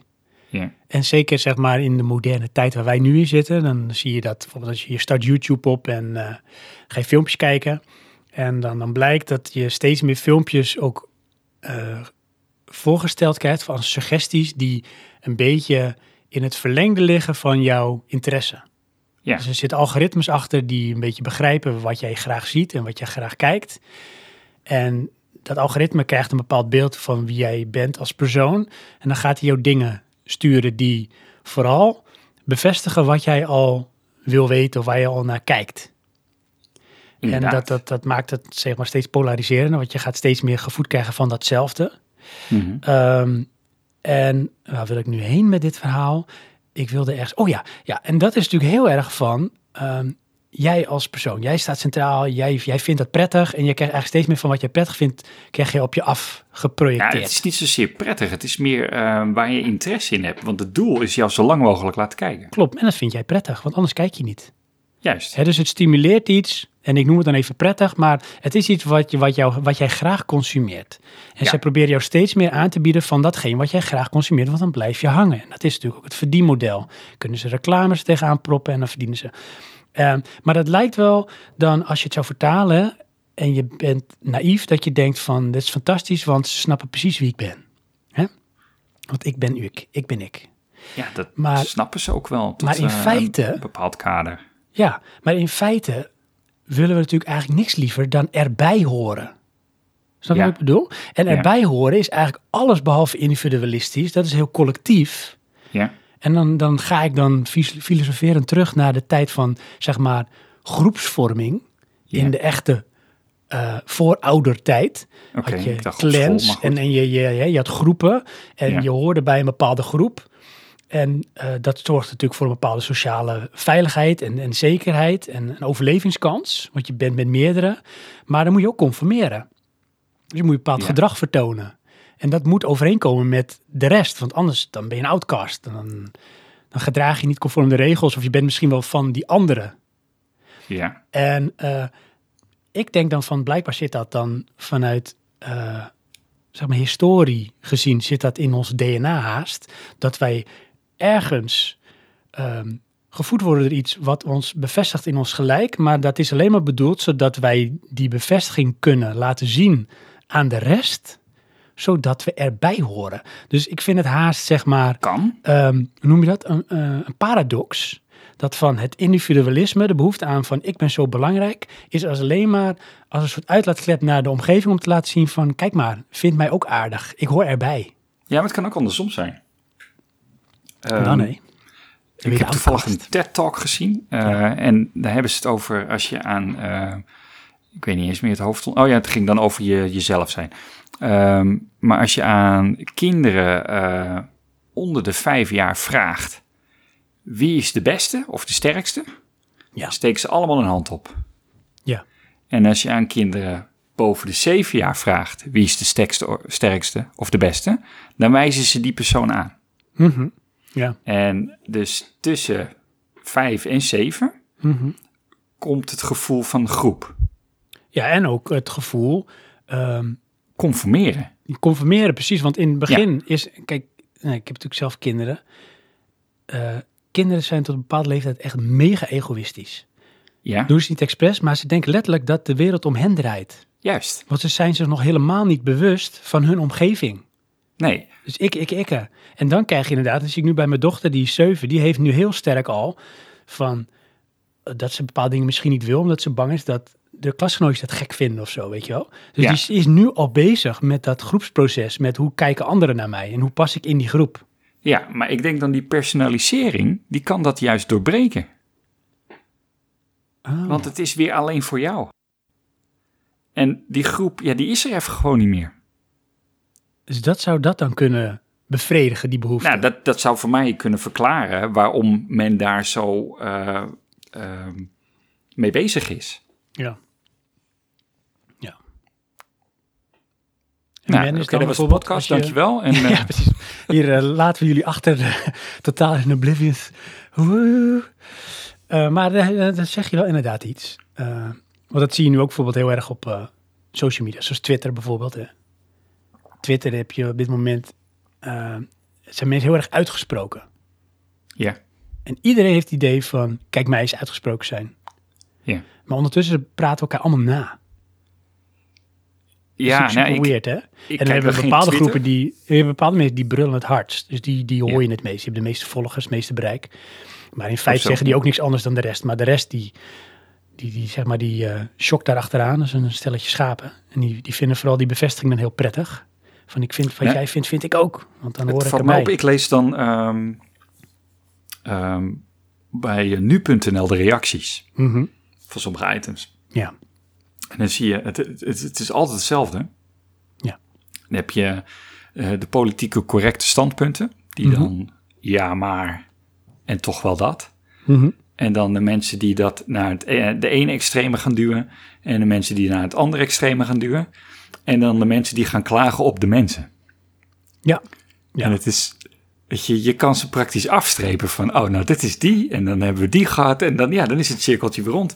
En daarna is het dan alleen maar een herhaling van die zetten. Klopt, ja. Maar weet je wat het ook is? Eh, ik vraag me ook af of die mensen ook zo zijn. En dat vind ik het gevaar van eh, dat soort dingen als, als Twitter en als bijvoorbeeld reacties binnen eh, websites en sowieso comments. Ja. Is het geeft je heel erg de gelegenheid om mensen in hokjes te plaatsen. Ja, Ja, dat is er zo iemand. En wat je dus ook heel sterk krijgt, en tuurlijk als je er wat langer bij stilstaat, dan is dat niet zo, maar dan heb je het idee dat die mensen zijn dan zo, voor jouw gevoel. klopt. Oh, ja, dat is een klager, want die klaagt altijd. Oh, dat is een meeloper. Of dat is zo een die vindt altijd dit. Of die is overal altijd tegen. Ja, Maar het kan natuurlijk ook een bepaalde houding zijn om een reactie uit te lokken op zo'n platform. Maar als je diegene bij de slager eh, om de hoek tegenkomt, dan zou het misschien wel een heel prettig persoon kunnen zijn. Klopt. Maar de, de- de- volgens mij is dat exact hetzelfde. Want wat gebeurt er dan? Dan wordt hij weer geduwd in het sociaal conformeren. Ja. En in die Maar post online nou- niet. ja, maar wie is nou dan de echte persoon? Eh, de echte persoon is de egoïst. Ja, maar is dat degene die dan zeg maar een flap uit is op dat platform? Ja. Want dat geloof ik niet. Nou, eh, dat, dat is... ehm, Dat is namelijk mijn- alleen maar effectbejag. Mensen willen reactie. En ene Ja, heeft, die, die heeft het meer zien. nodig. Want het is eigenlijk, Ja. eigenlijk is het de ultieme vorm van ehm, hunkering naar bevestiging. En ook Ja. al is het negatief, hoor mij. Nou, ik ga wat zeggen wat heel vervelend is om te horen. Dus ik krijg reactie. Nou, heb ik al mijn doel bereikt. Ik word eh, bevestigd. inderdaad. En dat kan dus tegenwoordig online. Ja. Ik weet niet En- of we er beter van worden. Nee. nou. Maar het is hetzelfde als filosofische ehm, insteek. Een, een recensie invullen. Doe je dat wel eens? Van een product dat ik gekocht heb bijvoorbeeld? Ja. Nou, voorheen deed ik het wel eens, vroeger. Omdat je dan nog eens had van, dan kon je een cadeaubon winnen of zo. Of win je aankoopprijs terug. ja. En daar probeer je nog steeds mee te lokken, maar ik neem de moeite niet. Ik Nee, doe het ik niet. niet. Ik heb er echt geen zin in. En daarnaast, weet je wat ik dan ook een beetje heb? Wanneer doe je het wel? Wanneer het Nou. niet goed is. Ja, tuurlijk. En dat Het wordt een ja. soort van wraakactie. Oh, nee, nee, dat heb ik ook niet hoor. Nee, nee, nee, nee. Ik zie Nee, dan dat ga, je, mensen dan ga je de vuile was buiten hangen en zo.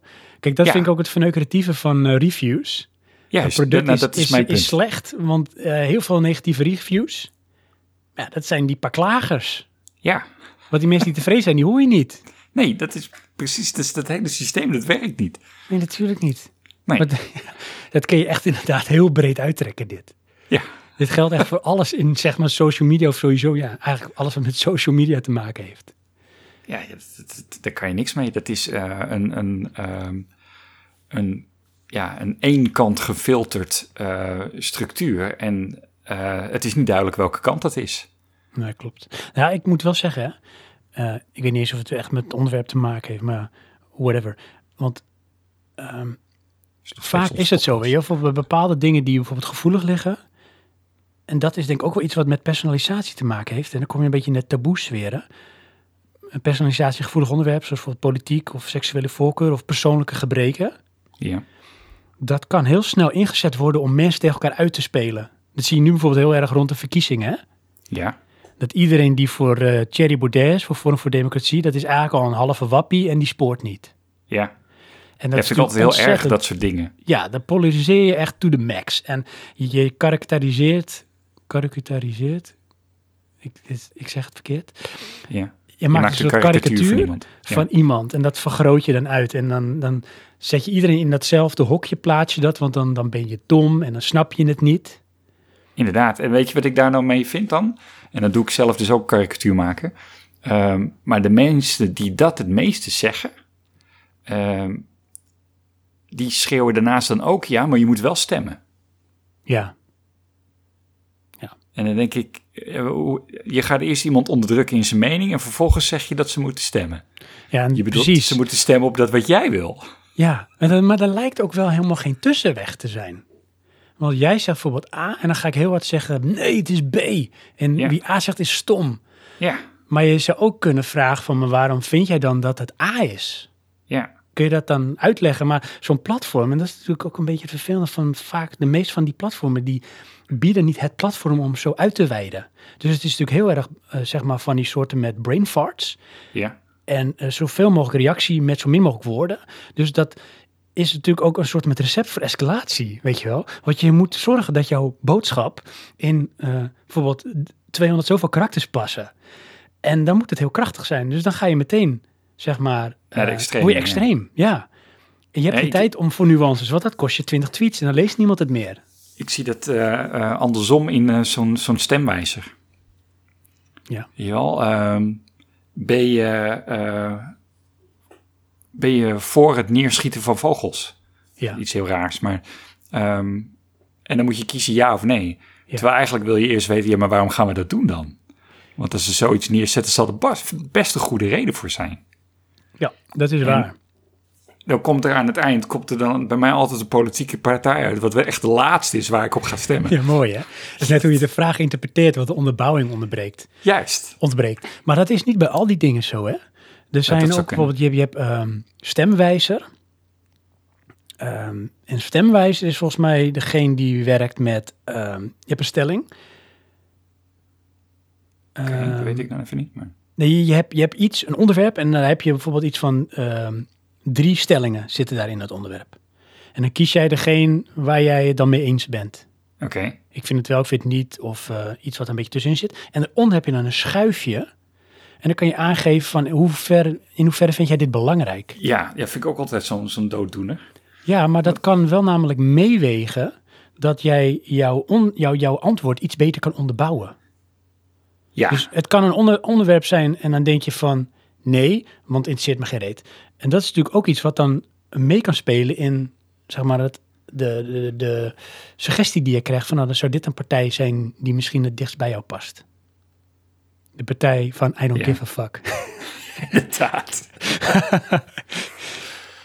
nee, ja, goed. Want dan wordt het weer te politiek. Ehm, eigenlijk is de conclusie eh, online platform... ehm, Ja. het, het, het, het kweekt juist bubbels. Ja. ja. ja. Hoe zijn we hierop terechtgekomen hè, op dit? Personaliseren, want je zit in je bubbel. Ja. ja, want dat is echt heel goed, Johan. Dit is echt fantastisch. Ik zet ondertussen Gaston er gewoon even bij, want het kan. Ja, Zo, Gaston, dank je dat je er bent. Je zorgt altijd weer voor een stukje richting als we richtingloos zijn. En doel als we doelloos zijn. Want eh, we hebben het over personalisatie, Johan. En ik heb wat dingen voorbereid. We gaan sowieso ook toch beginnen met wat, wat dingen van onze luisteraars. Dat is ook altijd leuk. Maar er is meer, want ik denk we moeten een beetje duiding geven aan personalisatie. En ik heb op internet wat dingen opgezocht.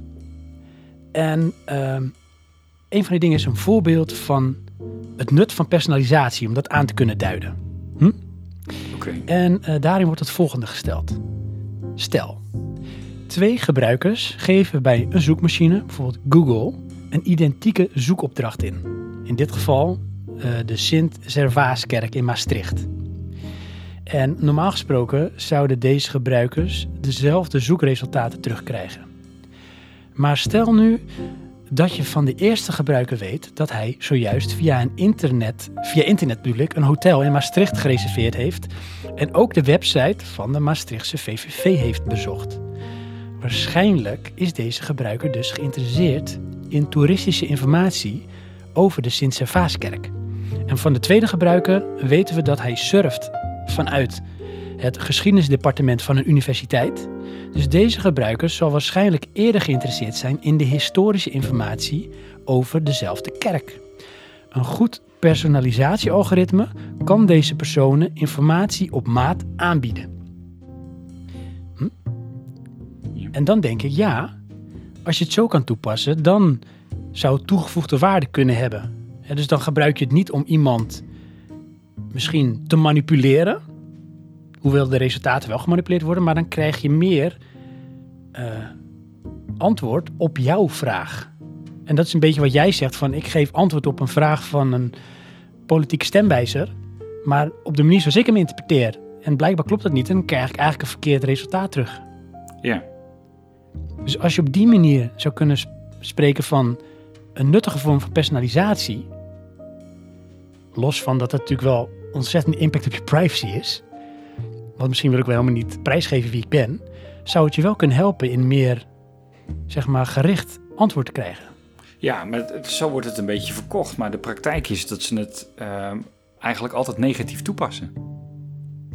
Ze zijn niet bezig met jou aan informatie voorzien. Ze zijn bezig met jou uh, prularia te verkopen. Ja, maar dat is zo vervelend, hé? Ja.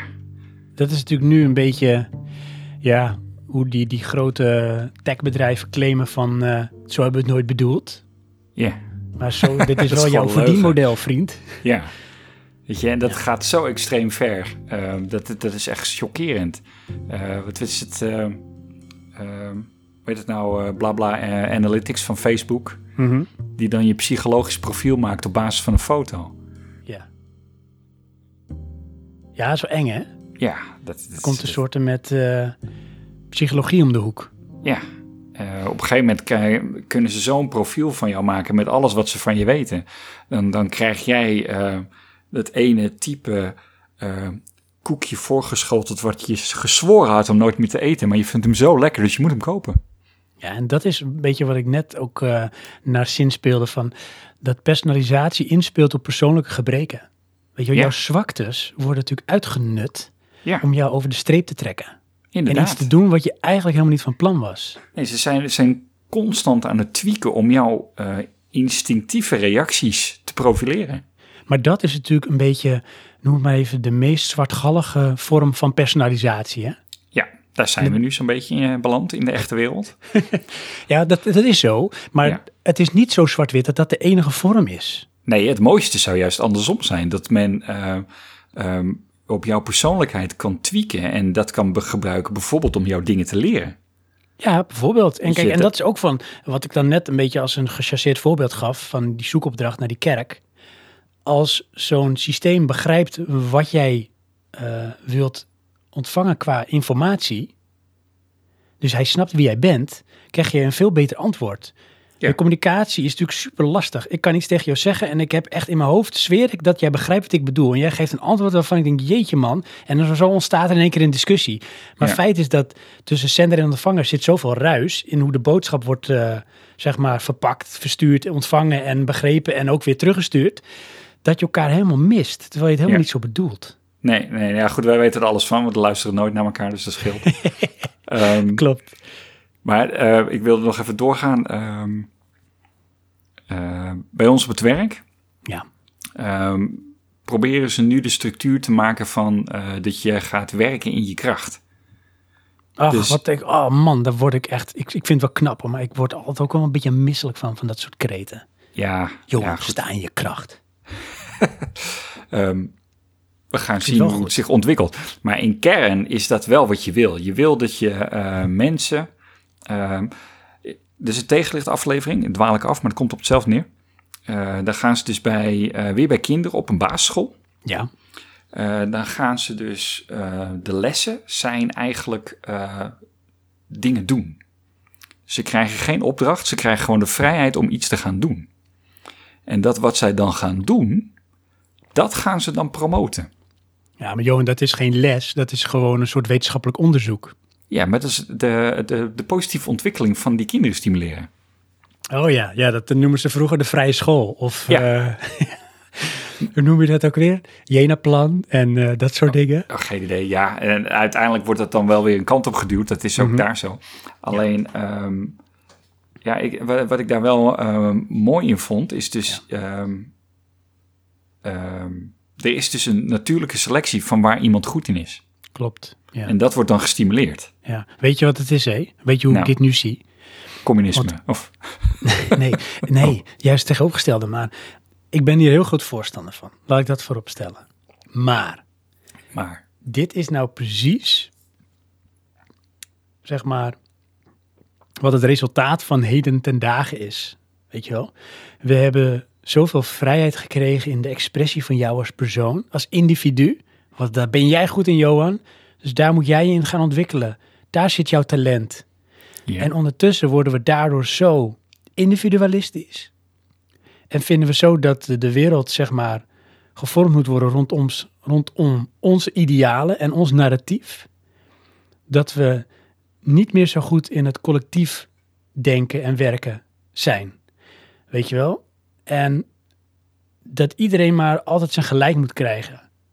ja oké. En dan krijg je dus van die samenleving wordt ook zo individualistisch. Want we vinden allemaal wat. Iedereen heeft een mening en alles moet ook maar gehoord worden.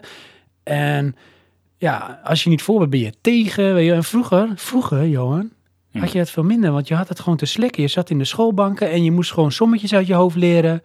En het was vooral ook dat je een beetje probeerde je kop onder het maaiveld te houden. En gewoon je goed gedragen. Zoals, we, zoals een, een brave Nederlandse burger betaamt. Zo. Ja, maar vroeger dan ehm, deed je dus gewoon wat je gezegd wordt, want je deed er niet zoveel toe. Nee, precies. Inderdaad. En eh, als je geluk had, dan, dan, dan kwam je op een bepaalde plek, positie, moment in je leven dat je iets deed wat je toch best wel leuk vond. Of waar je toch wel goed in bleek te zijn. Maar dat was dan meer toeval dan wijsheid. Maar het merendeel, die deed vooral gewoon vooral wat zijn vader of moeder altijd al deed of hem opdroeg. Of wat jou was geleerd te doen. Ja, En dat was het dan. En dan noemde je dat geluk. en, en, en, en samenleving. Ja, dus als je dus gewoon doet wat je gezegd wordt, dan noem je dat gelukt. Ja, ja. Oké, ja kijk, het, eh, Ja. het beperkt je natuurlijk wel in creatieve vrijheid. Ah, een klein beetje. Dat zie je bijvoorbeeld in, in communistische landen. Hè? Dat, Ja. eh, ja, de staat bepaalt en eh, ja, vrijheid van denken en doen. Dat kan niet. Dus ja, je krijgt ook een beetje een soort made in China effect. Hè? Het is allemaal net niet. Mhm. Want ja, je, je kan er niet zelf goed over nadenken. Maar ja, aan de andere kant, Johan, als je kijkt naar hoe het nu gaat in de hele vrije westerse landen, dan zie je toch ook wel dat het een beetje doorschiet hier. En, en als iedereen is een prins en een prinsesje en, ach man, hè, je kan maar prins, prinsesje is een, is een aantal stappen verder dan goed En- doen, eh, doen waar je goed in bent. Ja, maar dat is hetzelfde. Want iedereen wordt tegenwoordig op een voetstuk gedragen. Weet je, we kunnen niet allemaal een talent en een held zijn. Dat is Ja, gewoon dat is niet iets zo. anders. We kunnen niet inderdaad allemaal eh, een superheld zijn. Nee, maar zo Dat word is- je dus wel tegenwoordig opgevoed. En zo word je tegenwoordig ook gedoseerd op school. Van iedereen moet zijn talent ontdekken.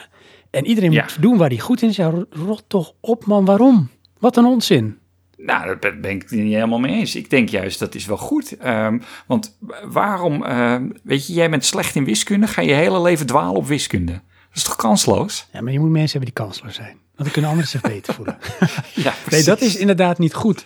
Dat is, kijk, ik vind het prima als jij kan doen waar jij goed in bent. Ja. Ja? Maar het lijkt nu wel een soort met missie te zijn dat elk persoon op aarde zijn talent moet benutten. Ja, maar ook maar zo'n beetje ten koste van des. Het moet ook in het totaalplaatje passen. En dat, ver- dat wordt wel eens vergeten. Binnen de kaders prima. Maar dan moeten die kaders er wel zo zijn, weet je wel. Er is nog wel iets als een samenleving. Ja, kijk, kijk, jouw probleem, eh, tenminste wat jij nu constateert, is Mhm. dat iedereen wil eh, filmster zijn of popster of wat dan ook. Jazeker. En Ja, want dat dat, is- wordt vanaf, zeg maar, jou, jou, in de wieg wordt dat al meegegeven. Ja, maar jij dat, doet het toe, jij bent een talent, jij bent fantastisch. En op school krijg je het ook. Want ja, Johan die kan niet zo goed rekenen. Nou, dan moet hij vooral eh, lekker gaan tekenen, want dat kan hij heel goed. Eh, hoe je heel goede tekenaar. Ja, En eh, ach man, hè? ja maar, Dat- daar heb je ook, maar is dan het probleem dat er geen geld te verdienen valt met tekenen? Je moet wel een vak leren? Nou ja, je moet wel kijken in het totaalplaatje, ja, uiteindelijk. Ja, We kunnen niet allemaal, gewoon- eh, eh, zeg maar, datgene zijn, weet je wel? Nee, dat klopt, daar ben ik het helemaal mee eens hoor. Maar dat, dan moet je dat gaan beheersen van... eh, je moet alleen maar opleidingen geven waar ook werk in is. Ja, dat Ja. willen we ook niet. Nee, nee, dat is ook weer lastig. Keuzevrij. Nou ja, ik zoek een beetje toch naar van, er moet een soort met gulden middenweg zijn. Weet je, we Ja. schieten, vind ik, vroeger schoten misschien te veel door met eh, ehm, alles is eenheidsworst Ja. en geen zult. En dan krijg je toch ook een bepaald, eh, ja, dom volk van. Maar ook Ja. misschien wel heel eh, goed eh, volgend volk. Maar wat Ja, je nu ziet is bijvoorbeeld van, overal wordt tegenwoordig bijvoorbeeld wat, wat, wat achtergezocht. Iedereen wordt achterdochtig, want we hebben allemaal het idee dat we de wijsheid in pacht hebben. Omdat we geleerd zijn van, jij bent degene die bepaalt of dat echt zo is. Maar dat zie je ook bijvoorbeeld hoe, hoe mensen nu bijvoorbeeld de mainstream media, sorry, zoals dat genoemd wordt, wantrouwen. Vind ik Ja, ook zo'n raar begrip. Hè, want Wat, wat is het wantrouwen? Of, eh, wantrouwen is als je het niet helemaal vertrouwt. Ja, En mainstream daar is media- mee. Oh. Maar mainstream media krijgt nu een soort predicaat alsof het is van eh, er zit een agenda achter. En dat is vooral bedoeld als onderdrukking. En er is een, een, een nog breder agenda en dat is werelddominantie. En prima, het zal ergens in een bepaalde flinterdunne lijntje zal dat ook zo zijn hoor. Maar er is ook nog zoiets als gewoon objectieve journalistiek. En kunnen we in ieder geval alsjeblieft wel objectieve journalistiek als zodanig beschouwen en waarderen? Weet je, want nu is het hij- haast Ja. als je al een journalist bent, Ja. dan heb- ben je in de basis of verkeerd. Want iemand die in zijn vrije tijd maar ergens een beetje bij elkaar loopt te googlen en te twitteren, dat is degene die wel gelijk heeft, want die heeft het op internet opgezocht. Ja, oké, maar, Maar dat, de- ja, dan ben je wel weer in extreme. Maar eh, wat Doe ik, wel vind Doe ik is... ook. De mainstream media, of eigenlijk gewoon media... Mhm. die hebben natuurlijk een verdienmodel. Ja. En dat is de drijfveer van hun handelen. Mhm. En ja, ik ben ook van mening dat we daarom echt een overvloed aan slecht nieuws hebben. Zeker, maar dat is, ja, dat is absoluut waar. Ben ik mee Ja. eens. Maar nu heb je inderdaad, je hebt een palet, weet je wel. Vroeger had je misschien smaak A. Nou, Ja. dat is natuurlijk wel redelijk crap, want ja, heel veel dingen krijg je er niet te weten. Maar dan krijg je smaak A en smaak B, maar die zitten in de twee uitersten. Nou, dat zijn de beste, want dan kun je tenminste zelf je mening vormen. Precies. Maar ondertussen zit er van alles tussen. Ja, Maar daardoor kun je ook niet meer goed de kwaliteit kun je nagaan van Nee. heel veel van die dingen niet. En dat is waar het ook al een beetje spaak loopt. Hè? Want ondertussen is het van eh, jij roept iets en eh, verdeelt het op, op Facebook en iedereen aapt dat na. En dat is in één keer de waarheid. Ja. En een objectief stuk van een NOS-journalist, dat wordt meteen afgedaan als mainstream media en dat is fake nieuws. Want het voldoet niet aan het narratief. Maar als je dan kijkt hoe bijvoorbeeld die journalist daar wel bijvoorbeeld eh, tien jaar voor een studie heeft gedaan en werkt volgens een bepaalde journalistieke ethiek, waarbij, ehm, noem het maar, de zoektocht naar de waarheid eh, het hoogst haalbaar is en dat je ook langs bepaalde kaders of die ethiek moet werken, hoor, wederhoor, onderzoek doen, dan vind ik dat een stuk betrouwbaarder dan een roeptoeter die iets bij elkaar gesprokkeld heeft, wat heel vaak gedeeld wordt en dat dan blijkbaar, omdat het zo vaak gedeeld wordt, als de waarheid wordt beschouwd. ja, betekent niet per definitie dat hij niet gelijk heeft, maar ik zou daar toch minder snel van uitgaan dan iemand die voor zijn studie, beroep, werk journalist eh, is. Ehm, ja, ik ook. Alleen, eh, wat is het eh, neveneffect eraan? Dat ehm, die eh, journalist Ja. een bepaald wereldbeeld heeft. En die roeptoeter een totaal ander wereldbeeld heeft. Ja, absoluut. En het feit dat dat niet matcht, gelooft de roeptoeter die ene niet. Nee, want het past niet in zijn narratief. Ja, En wat gaat hij Ja. dan doen? Dan gaat hij op zoek naar het stemgeluid wat hij herkent. Ja zoeken naar bevestiging. Ja, en dat, dat drijft hem steeds verder in die polarisatie. Ja. Maar Kijk, en, ja, en die, die journalist, daar ga ik dan even vanuit, hè, die werkt op een objectieve, en doe ik met kleine quotejes, objectieve manier. En die blijft daar op die manier, zeg maar, eh, nieuws genereren en, en delen. Ja, en zolang dat dan niet voldoet aan het narratief van die ander, dan is het blijkbaar fake nieuws. ja. Ja, zo werkt het. Kijk, Ja. ik, ehm, ik ben geen fan van roeptoeters. Maar ik snap ze wel. Praat je En dan- podcast. De roeptoeters. Ja, dat, dat, dat is mijn eigen podcast eigenlijk. Maar Ja. nee, ehm, wat ik bedoel is, ehm, wat ik veel zie is doordat er een bepaald, laten we zeggen, de oude hiërarchie, Mhm. dat is nu voorbij. En Dat de, kunnen we wel de, stellen, inderdaad. de roeptoeters zijn per definitie tegen de hiërarchie. Ja, dat is het ook, hè? Een soort, Ja. een soort collectief wantrouwen. Ja, maar dat hebben ze zelf zo gemaakt. Want er wordt Ja. niet geluisterd. Dat is, dat is hun verdienmodel. Ja. Weet je, de- de- Maar het is ook zo makkelijk, hè? Want dat, weet je wat, dat, ja, ja. hè? Ja. We schieten er weer in door, maar dat is namelijk precies wat het zo makkelijk maakt, ook om roeptoeter te zijn. Ja. Want weet je wat het is? Je hoeft namelijk bijna niet te onderbouwen waarom het zo is. Nee, dat doen wij Want je namelijk gaat gewoon roeptoeteren. Ik vind het namelijk niet. Nou, Nee. dat is het dan. Maar waarom Ja, niet? Ja, en die vraag stel je alleen maar omdat je fake nieuws bent. Fake nieuws en alles wat ik dan zeg is blijkbaar slecht. Fake. Ja, Maar je geeft een antwoord op de vraag. Ja, maar zij zeggen... Ja, maar de inderdaad. vraag Het is niet. altijd iemand anders. Ja. Dat zijn de mooiste. Ja. Ehm, ik, ik, ik, ik weet niet waarin dat was, of het tegenlicht of wat dan ook, maar dan hadden ze het over eh, eh, Barack Obama eh, voor de verkiezingen. En dat hij dus negatief weggezet werd door de, de rivale partij. Ik weet het niet, Republikeinen, Democraten, geen idee. Mhm. Ehm, maar toen werden dus mensen geconfronteerd met de feiten ten opzichte van wat er gezegd werd. Ja. En toen reageerde een vrouw in Amerika daarop met van, ja, maar dat is jouw mening. En toen zei die journalist, ja, nee, het is een feit. Maar daar was zij het niet mee eens, want het was volgens haar de mening. Ja. ja, maar dat, weet je, sterker nog, hè? Wat jij nu schetst, dit is precies ge- ge- voorgekomen in, eh, zeg maar, eh, de Trump administration. Oké, ja. Want eh, er was toen een spokeswoman voor Trump. En het was eh Kellyanne, ehm, eh, hoe heet ze ook weer? Kellyanne, ik ben de achternaam kwijt. Nou, dat was dan de spokeswoman van Trump. En die had op een gegeven moment de term geïntroduceerd, alternative facts.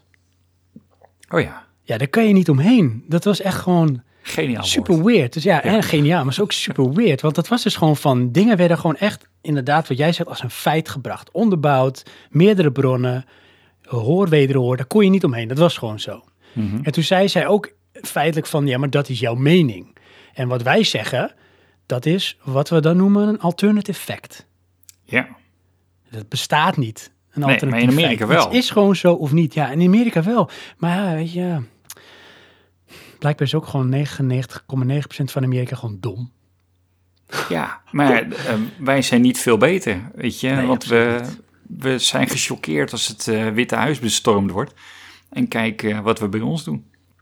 Ja, lusten de honden ook geen brood van. Nee, dus... Tja. Maar goed, Ehm. eh, misschien moeten we terug naar het hoofdonderwerp. Ja, want ik heb nog een paar dingen gedaan, Johan. Oké, Eh, We gaan, ehm, politieke partij oprichten. We gaan sowieso politiek. eerst even een luisteraar erbij Oh. halen. Erbij En halen, ik heb- live. Ja, live, ja. Persoonlijk. En eh, we gaan straks een spelletje spelen, Johan. Oh, oh. Ja, ik heb een spelletje bedacht. Oké. En eh, jij, jij mag hem gaan spelen. En jullie lieve luisteraars, jullie mogen ook mee gaan doen. Maar voordat we doen, zullen we eerst even een, een, een kort pauzeliedje doen. Doe dat. Heb je nog een voorkeur? Eh, ja. Persoonlijk voor Johan. Komt-ie.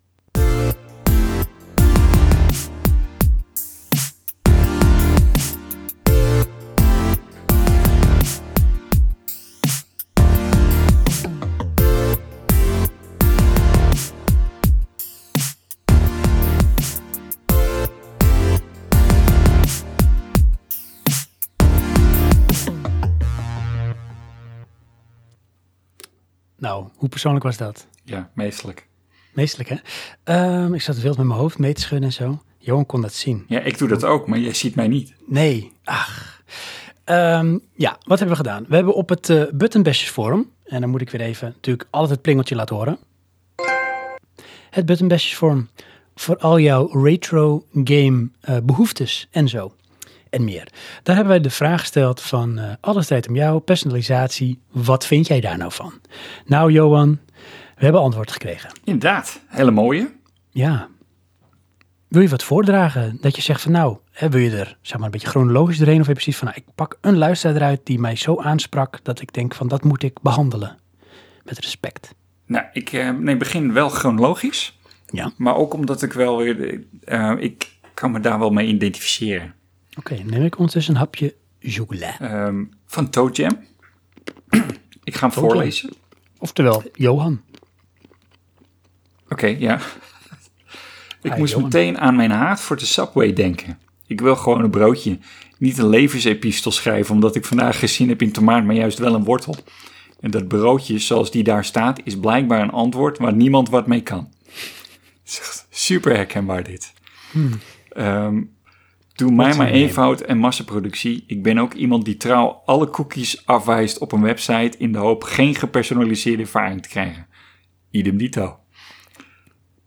Al die datavergaring op slechts beveiligde omgeving waarin ze veel te veel weten, ik heb er niks mee. Dat is wel dedication ook, hè? Ja, En dat is ook een soort met levensethiek waar heel veel mensen nog wat van kunnen leren. Ik ook trouwens hoor, want ja, ik ben soms gewoon te lui om die cookies te lezen en dan klik ik maar gewoon, ja, accept al, kan ik door. ja. inderdaad. Slecht hè? Dat is echt Dat zo slecht. Ik ga nu letterlijk eh, naar de opties eh, ignore all.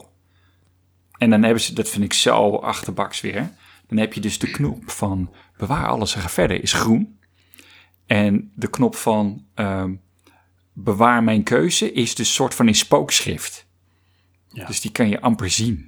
Ja, nee, maar ze doen het ook alles, doen ze eraan om het heel moeilijk te maken. Ja, ja vind ik belachelijk. Zou verboden moeten worden. Ehm, hoe dan ook. Maar jij herkent je er dus wel in, wat hij zegt. Ja, Dus jij haat we- Subway en je vindt datavergaring eh, slecht. klopt. Ik vind datavergaring slecht. Eh, want ze gebruiken het alleen voor het negatieve. Ehm, Dat is dan bij mij de voorwaarde. Ehm, en we hebben met z'n allen een beetje te veel last van keuzestress. Ja, want als je nou even dat voorbeeld neemt wat hij zegt bij Subway, hè, en dat Ja. heb je bijvoorbeeld ook bij iets heel simpels als ehm, de Starbucks. Heb je tegenwoordig ook duizend soorten koffie. Maar ook dat jouw naam wordt op het ehm, bekertje geschreven. En als het klaar is, wordt jouw naam omgeroepen. Ja, dat Alsof raar. jij een soort connectie hebt met die verkoper. Ja. Nee, dat moeten ze bij mij niet doen hoor. Dat heb ik eh gelukkig Ben je allergisch voor, meegemaakt. Ja. Maar als ze dan tegen jou zeggen van, eh, eh, wat het is ook nog eens zo, hè, dan ga je naar een Starbucks en dan denk je, ik ben in Nederland. En dan zeggen ze, hi, what's your name? Zeg ik sorry? Ja. All right, sorry. Uh, sorry, your coffee is ready. Sorry. Ja. Of, eh, Maar wat doe jij dan? Nee? Geef jij dan jouw naam? Nee, want ik ga niet naar de Starbucks. Want daar ben ik op tegen. Dat is ook een manier om er weer op te gaan. Misschien wel Eigenlijk idem Subway, daar ga ik ook nooit naartoe. Maar ehm, even kijken. Ik heb weer een, eh, ehm, wat is het? TED Talk. Ja. Eh, dat is een onderzoek. Ja. Gingen ze eh, potjes jam verkopen. Z- zes smaken. Heel gunstige aanbieding. Zoveel mogelijk mensen binnenhalen. Mhm. En eh, wat was het nou? 40% van de mensen die kocht wat. Doe maar. Kwamen ze terug met eh, vergelijkbaar onderzoek. Ja. 26 smaken. Komt vier keer zoveel mensen binnen, maar maar 3% koopt wat. En dat is is de het nou? keuzestress. Keuzestress. Als je te veel keuze hebt, kan je geen keuze maken. Het, eh, het schijnt dat je tussen de vijf en de zes opties kan kiezen en daarna haak je af. Meen je niet. Ja, ja dat, is heel leuk, eh, dat is ook een leuke TED-talk van Stanford Universiteit. Ja. Maar kunnen ze dat niet, eh, ik probeer altijd in oplossingen te denken. Kunnen Ja. ze dat niet een beetje zo spinnen, hè? Dat je begint met vijf keuzes max. Maar die ga je differentiëren. Ja, dan eh, je krijgt menu in submenu in submenu. Ja, dat doe je bij mij drie Van, keer, eh, haak ik je alsnog af. koffie? Wil je cappuccino? Wil je espresso? Ik wil een espresso. Oké, wil je een espresso of wil je een ristretto? Wil je hem met suiker? Wil je met melk? Ja. Oké, doe maar met melk. Oké, wil je dan met geitenmelk? Wil je met sojamelk? Wil je met koeienmelk? Ja. Tuut, tuut, tuut, tuut. Ben ik al lang weg. Maar is dan elke keuze, ondanks dat het een subkeuze is, een keuze die uiteindelijk dan de druppel is die de emmer doet overlopen? Eh, dat weet ik niet. Dat, Omdat je eh, nooit tot het antwoord komt, als het ware. Weet je, ze blijven maar malen. Ja, ze blijven maar data ver- ver- verzamelen van je. Op een gegeven moment moet je dan alsnog je naam afgeven. Hey, what's your name? Oké, Ja. doei. ja. Ja. Dus, Ik maar ehm. Ja, sterker nog, bij, eh, wij gingen vroeger eh, op zaterdag met name eh, Mhm. ontbijten bij de HEMA. Ja. En dan kan je voor een bepaald bedrag kan je dan je minuutje samenstellen. En dan Mhm. heb je zoveel keuzes. En dan denk ik, aan de ene kant vind ik het leuk. Ja. En aan de andere kant denk ik, ja, maar kies iedere keer hetzelfde. Dus eigenlijk slaat het helemaal nergens op. Nee, maar nee, nee, nee, nee, Johan. Dat is wel leuk dat je dat tegen jezelf zegt. Ja. Maar in feite vind jij het niks prettigers dan dat. Nou, Het is heel gestructureerd, het is herkenbaar, het is vertrouwd. nee, maar dat vraag ik me dan dus af. Kijk, want Je bij de Subway terug, komt het... toch? Sorry? Je komt toch steeds terug? Ja, maar bij de Subway is het dus op het niveau dat ik afhaak, weet je wel. Van, daar kan ik niks mee. Ja. Uh, maar hier is het dan net um, niet te veel keuzes. Ja. En ja, vind ik het dan echt leuk? Weet ik niet. Nee, dat weet ik dus ook niet. Heb je dat, heb je dat in een restaurant ook? Kies je altijd hetzelfde? Uh, dat deed ik altijd wel. Maar op een gegeven moment heb ik daar drastisch echt nu dus bewust juist niet. Dus dan zoek je juist wel die differentiatie. Ja, maar dan is het niet zozeer de keuze. Dan is het vooral iets kiezen wat ik nog nooit gegeten heb. Ah, Oké. Okay. Om het te proberen. En dat is dan de, dat is het doel geworden. Terwijl vroeger dus vond gaat... ik altijd van, ik ga in een restaurant eten. Ja, dan moet het wel lekker zijn. Ja, dat is ook zo raar, weet je wel. Dat is ook ja. zo typisch Hollands is dat. Het mag op per definitie niet tegenvallen. Dus we ja. doen we kiezen altijd hetzelfde. Ja. En daar hebben we dan ook vaak nog een mening over. Maar daar heb ik wel weer iets tegenstrijdigheid in. Ja. Want als de optie er is om alles te kiezen, dan doen we dat. dat is toch ook echt bijzonder. Maar betekent ook dat je dan heel vaak naar een ander restaurant gaat? Uh, het liefst wel, ja. All right. Dat, dat, is wel goed, hè? Want dan, dan, dan, daarin ben jij dus best wel divers. Uh, nou ja, daar moet ik wel bij zeggen, dat komt eigenlijk een beetje door mijn vrouw, want die is ja, meer met eten bezig dan dat ik ben. En Mhm. mm -hmm. dit wordt dan een beetje het, het, dingetje wat we er samen van maken, want dan gaan we voedsel bekritiseren. En dan niet in het gezicht van de ober, maar gewoon voor de grap tegen onszelf. Ja. Ja, dat is altijd leuk hoor. Dat is ook iets altijd wat mensen verbindt, hè? Afgeven op iets wat je allebei vervelend vindt. Ja, nee, maar we zoeken het positief. Goed gespreksonderwerp. Het is niet dat we zitten van, nou, dit is echt het smerigste wat ik gegeten heb. Het is... Nee, natuurlijk niet. Maar het is wel leuk hoor, om dat te kunnen doen. Van nou, het is vaak nog leuk om te zeggen, nou, waar ergens het was toch verschrikkelijk, joh, jeetje, nou, kom ik nooit meer. Dan denken mensen, oh, vertel, vertel, vertel. Want als je zegt van, ik heb nagegeten, was echt vet lekker, dan zeggen mensen ook al, oh, vertel. Ja. Ze vinden altijd de juicy stories vinden ze het leukst. Ja, nee, maar ik doe dat dan niet. Tenminste, niet bij restaurants in ieder geval. Nou ja, goed. Dat, dat weet ik zeker. Ik, ik ben dan eerder van, uh, daar moet je eten, dat is lekker. Oh ja. Want ik hoef niet te horen dat jij ergens vies gegeten hebt, want dat weet ik zeker, ga ik toen niet heen.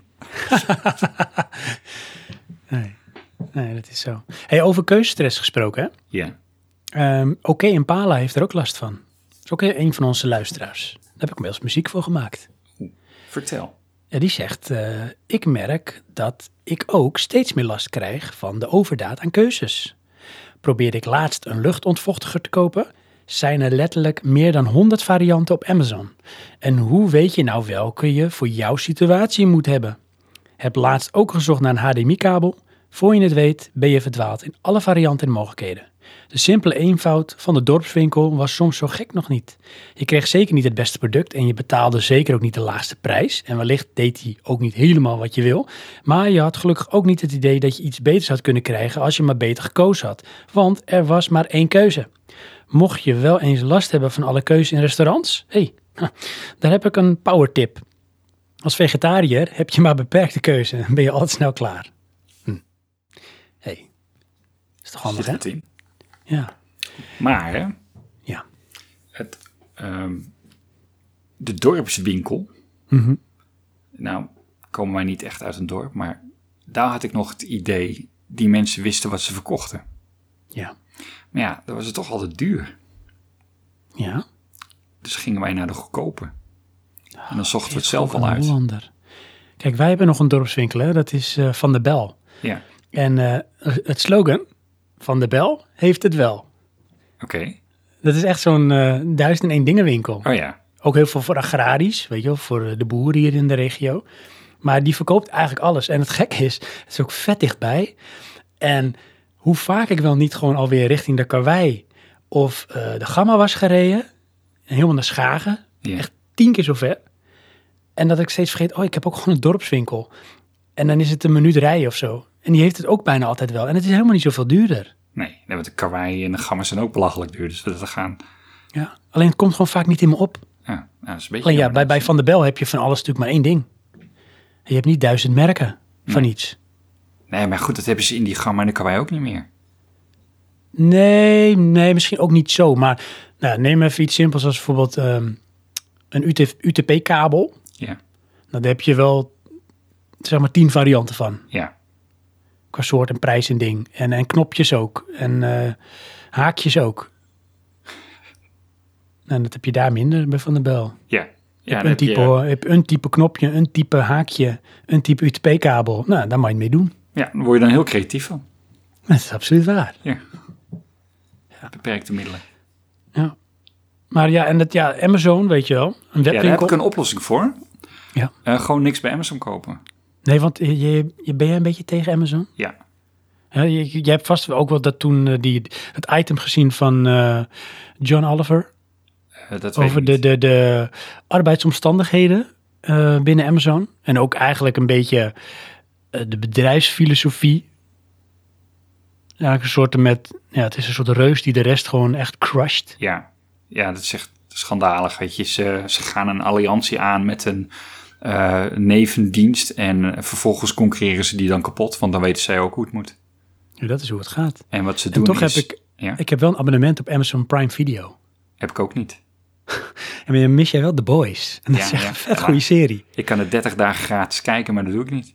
En met The Boys, Johan, dat, dat moet jij gewoon zien. Ik weet het. Dat zou, dat zou je echt helemaal opvreten. Dat vind jij geweldig. ja. ja, ik heb ook wel de trailer gezien op YouTube en zo. Dan denk ik, shit. Ja. Ja, Helaas. maar jij, jij, dat jij jouw inborst en jij zegt dat doe ik gewoon niet. Nee, maar ik moet ik wel bij zeggen, ehm, soms heb ik een zwakte moment. Nog niet bij eh, eh, Amazon, maar ik zeg hetzelfde namelijk van AliExpress. Daar heb ik nou nog nooit wat besteld. Daar heb ik stiekem toch wel eens wat besteld. Oei, Johan. Shame on you. Ja, ja soms kan je Shame. die gewoon niet krijgen. Shame. Dus repent. Ja. Maar goed, Ja. Ehm, ehm, sowieso Toe Jam, oké Impala, dank je. Ja. Wil je nog één luisteraar doen voordat we het spelletje gaan spelen, Johan? ja. Want ik weet niet of ik daar mentally klaar voor ben. En de luisteraars vind ik toch wel heel fijn. Ja. Ehm, dit, dit vond ik echt heel apart. Daarom vind ik hem ook heel blij. Dit is Lesson Magic. ja. Het is niks Eh. minder dan magisch. Alles wat die man zegt. Inderdaad. maar hij is dus wel pro gepersonaliseerde reclame. Ja. Want hij heeft daar een profijt uit gehaald met vinyl in een winkeltje in Amerika. Ja. En ehm, dat vind ik dan ook weer leuk. Voor een kleine prijs en geleverd met- een handgeschreven beda- dank- bedankbriefje. Tof hè? Daar hou ik van, hè? die personal touch. Ja, we- En dat is ook iets, daar kan je gevoelig voor zijn. Weet je wat ik daarmee heb? Nou. Dit is echt de ultimate spin doctor. Van hoe maken wij een reclame voor een politieke partij? Met een handgeschreven briefje.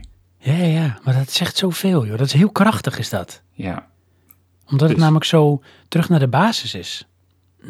inderdaad. Dat is nou de ultieme vorm van personalisatie. Ik schrijf jou een handgeschreven briefje. Ja, maar dat, dat is toch een illusie? Want dat is gewoon een printje met handgeschreven tekst. Nee, dat hoeft niet. Dit kan ook letterlijk met de hand geschreven zijn. Jawel, maar oké. Kijk, de ik massa... ga er ook vanuit dat dit namelijk een bepaald niche markt is. Dus ik zie dan ook een soort vinylwinkeltje. Oh ja, jij, jij gaat ervan uit dat het echt is. Ja, ja, ja, zeker. Ja. Kijk, nou, ik zal je En vertellen. in dit geval geloof ik dat ook wel hoor, daar niet van. Maar ik bedoel... Opa vertelt. Heel kort. Oké, sorry, vertel. Nou, ik zit op Unsplash. Dat is die eh, website die, waar je je foto's kunt plaatsen. Niet van jezelf, maar foto's die jij maakt. Oké, ja. En eh, die mogen mensen dan wereldwijd gratis gebruiken. En eh, mensen die dan zo'n foto van jou eh, downloaden, ik maak heel veel foto's van interieur en dat soort dingen. eh, die kunnen dan bijvoorbeeld een, eh, een like achterlaten. Niet een like van een lichaam, maar een soort, hey, tof man, bedankt. Een bedankje. En dan zie je ook bijvoorbeeld uiteindelijk in je statistieken ehm, hoe vaak jouw foto's bekeken zijn, gedownload, et cetera. En dat is een beetje de gamification van die site. Want op een gegeven moment als je een bepaald hoeveelheid downloads hebt, dan krijg jij vanuit een splash iets opgestuurd, fysiek, thuis. Oké. En ehm, de vrouw achter een splash, dat is die eh, Annie Hupplepup, ik ben de naam even kwijt. Die heeft daar ook dus het handgeschreven briefje bij.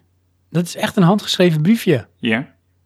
Denk jij of En dat... eh, Dat is zo. Dat, dat is echt, dat geloof ik echt oprecht. hmm, Ik heb namelijk al twee keer wat gehad van hun, omdat ik namelijk een keer... ehm, twee handgeschreven briefjes. Zo lekker verdacht veel op elkaar. ja, precies. Hey, ik had één keer volgens mij een miljoen downloads. Miljoen euro. En ondertussen ook een keer 50 miljoen gehaald. 50 miljoen downloads. Ja, dat is echt bizar hoor. Of Oké. views bedoel ik. Ik heb Oh, echt, views. dat is echt, ik, dat is niet om te pochen, Jawel. maar eh, dit is er zo ingerold bij Unsplash. Ik behoor bij Unsplash tot de top 500 fotografen. En het is een wereldwijd, eh, wereldwijde dienst waar ondertussen volgens mij een paar 500 honderdduizend fotografen. op zitten. Oh, oké. Sorry. Er zitten een paar honderdduizend fotografen op en ik hoor bij de top 500. Oké.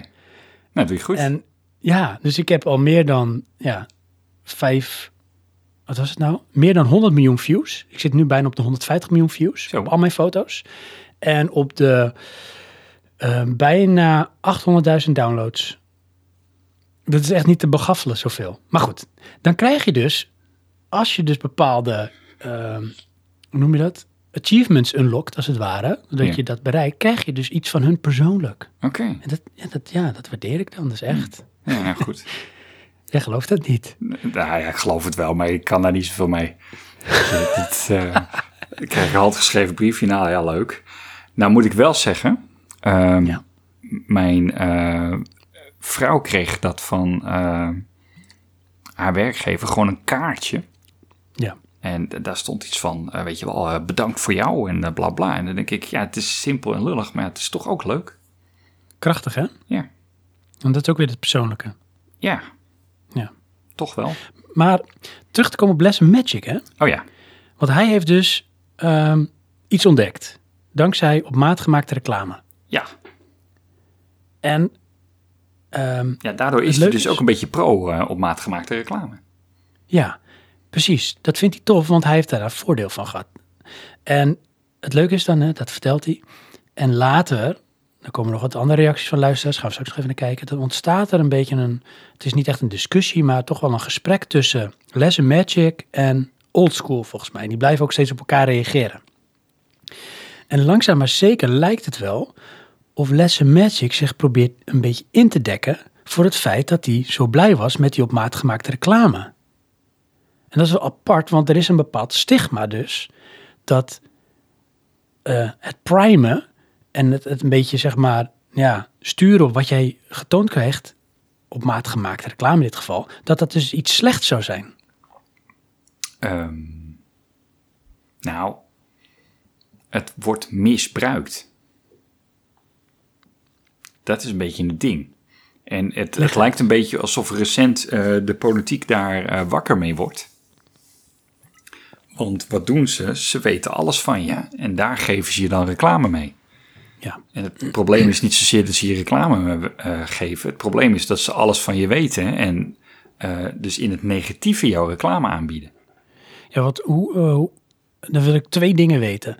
Tweede. Wat weten ze van je en wat voor negatieve reclame sturen ze je dan? Nou, goed, nou ga ik het zelf invullen, want ik heb het niet onderzocht. Maar eh, ze Mhm. Dat zijn de registreren beste alles- onderzoeken, Johan. Je bent een perfecte roeptoeter. Ja, inderdaad. Is- heb je niet een roeptoetergeluid van? En dan, Die moet ik nog echt even zoeken. Maar ik doe, voor, voor, voor wat je nu zegt, zeg ik gewoon... ja, dank je, dank je. Ehm, wat is het? Ze kijken naar alles wat je doet. En daar maken ze een profiel mee. En op een gegeven moment weten zij dus meer dan dat jij weet dat zij weten. ehm, ja, En er is niemand die dat controleert. oké. Maar in... eh, ja. ja. Mm. Is Dit- dat slecht? eh, Dat is een hele rare vraag misschien hoor, dat ik die stel. Maar misschien ook de meest logische vraag om te stellen. Is dat dan slecht? Nou, ik vind van wel, want in feite, ehm, kijk, het, dat, dat men iets van je weet, eh, wat je vrijgeeft, ja, dat is dan je keuze. Ja, oké. Maar dan moet het wel echt een keuze zijn. En Maar is het zo dan dat hetgeen wat je dan niet de keuze hebt, die ze dan wel weten van jou? Sorry, nog een keer? Nou, neem bijvoorbeeld deze als voorbeeld eh, Facebook. Ja, Dan op Facebook heb ik een bepaald gedrag. ja, ik ben een account en ik doe bepaalde dingen en het systeem die kan met een algoritme daar iets uithalen. Maar Ja. feitelijk, los van dat ik me een keer heb ingeschreven en daar misschien bepaalde informatie heb neergezet, wordt ehm, de, de reclame die ik getoond krijg en de, de informatie wordt een beetje geënt op mij als persoon door mijn gedrag op het platform. Nou, het is niet alleen platformen, dat is een beetje het probleem. Nou, vertel. Ehm, ik weet niet welke website ik laatst had, maar dan kon ik dus zien op welke platformen er gedeeld worden. Dat waren er 26. Maar wat wordt gedeeld dan? Ja, de- wat ik op die website doe. Ja, maar wat, wat doe jij dan bijvoorbeeld? Ehm, Welke nieuwsdingen je kijkt of wat, wat, ik je aanklik, aanklikt? waar ik kijk, hoe lang ik ergens kijk, hoe snel Ja. ik scroll. Ehm, Ja. Er worden allemaal tijdsopnames gemaakt van wat jij in een bepaalde relatie doet. Ja, precies. En dat wordt dan geënt aan, zeg maar, jouw IP-adres misschien wel. Ja, Ja, of, of in een cookie bewaard, weet ik wat. Maar in feite ehm, ben jij natuurlijk nog wel anoniem. ja maar dat, Het is niet van, dit is Johan. Eh, nou, dat is Dit dus is Johan. Lekker bezig. Ehm, maar eh, in dit geval was het ook weer een site waar ik iets moest, iets moest kopen. Ik weet niet meer of het privé was of voor mijn werk. Want goed, dat doet er even niet toe. Maar dan ga je dus ook gegevens invullen. ja. Ja, wie zegt dat ze dat niet delen? ja, dat is waar. Dat is wel tricky. Kijk, als het op een gegeven moment komt op het misbruik van gegevens... en dat dan ze dat kunnen gaan koppelen of zo... Nou. dan wordt het scary. Ja, en dat is het ding. Weet je, je- bij al die troep wordt je IP-adres gelogd en weet ik het wat. Mhm. Dus ergens moet je maar eh, je gegevens invullen en ze hebben de dataset compleet. Ja. Eigenlijk, hoe ik het zie, is Google weet alles van jou, wat je bent en wie je doet. Het enige wat ze niet weten is dat stukje wat afgeschermd wordt door de AVG. En dat weten ze ook wel, maar dat doen ze alsof ze het niet weten. Oh, maar dat, Johan, dit, Johan, Ja, roept het er. ja, inderdaad. Ze doen net alsof ze het niet weten, maar ze weten het wel. Ja, Maar je kan het niet hard maken. nee, nee, nee. De is- aarde is plat. Oké, mag ik, Ik, dan weet, dat ik kan het niet bewijzen, maar het is echt zo. Nee, dat is mijn gevoel. Ja, precies. Dat is gevaarlijk, hè? Nou, vind ik niet. Ik vind dat je daar best wel eh, ehm, oplettend bij moet zijn. Hm. Want, Ik laat eh, het zo zeggen, zeker. Absoluut. ja, Je moet niet zomaar ervan uitgaan dat omdat er een AVG-wet en regelgeving is, dat dat dan ook overal wordt toegepast. Maar je moet er wel van uitgaan dat die wet en regelgevingen voor een reden is. Eh, ja, maar die reden is eh, dat er een, een, eh, een structuur is waarbij men gestraft kan worden. Ja. De reden als is niet dat het voorkomen wordt. Zeker niet. Je hebt, een- je hebt in ieder geval nu regels om het dan ja, een te vervolgen als er misbruik van wordt gemaakt. Ja, dat is altijd achteraf. Ja. Nee, maar dat is, dat is ook zo. Ja, dus dat, weet je, dat neemt niet weg dat het niet zo zou kunnen zijn. Nee, precies. Maar dat betekent ook niet dat het zo is. Nee, dat klopt. Nee, dat, eh, En dan is het een gevoel en dan is het net wat het gevoel jou zegt, of je dat dan goed vindt of niet. Of dat je daardoor wel of niet gebruik maakt van die dienst of die website of whatever. ja, nou ja, in sommige gevallen eh, zal je wel moeten, want anders werkt het gewoon niet. Ja, maar heb je dan ook niet daarin, hé? Dat het soms ook niet een kwestie is van het werkt niet, maar neem maar even het AliExpress effect, dat je dan toch denkt, ja, nou wil ik dat toch even hebben. Dus dan doe ik het toch maar even. Eh, dat, ja, goed, dat, dat, ehm, jawel, tuurlijk werkt dat bij mij ook zo. Ik vind altijd de mooiste vraag, wil je een goed werkende website? Dan moet je cookies accepteren. Sorry? Dus als je Nee, geen cookies. accepteert, dan werkt je website niet. Wat voor een website heb je dan gemaakt? Nee, tegenwoordig hebben ze dat volgens mij wel anders neergezet. Er zijn sites die dat inderdaad zo zeggen hoor. Maar volgens mij ehm, is de uitwerking hetzelfde, maar zeggen ze tegenwoordig voor een optimaal werkende ervaring, voor een optimale ervaring, Ja, accepteer alle koekjes. ja, inderdaad. Dus inmiddels zijn ze met nuances, maar goed. Ja, en dan kan je kiezen van ik wil eh, basic of ik wil echt give me the good stuff. The good stuff. Is bij mij andersom. Zet alles uit.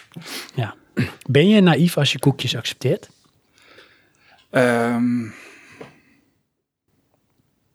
ja, Is er één mens op aarde die voor elke website die die bezoekt eerst alle voorwaarden doorneemt voordat hij überhaupt besluit?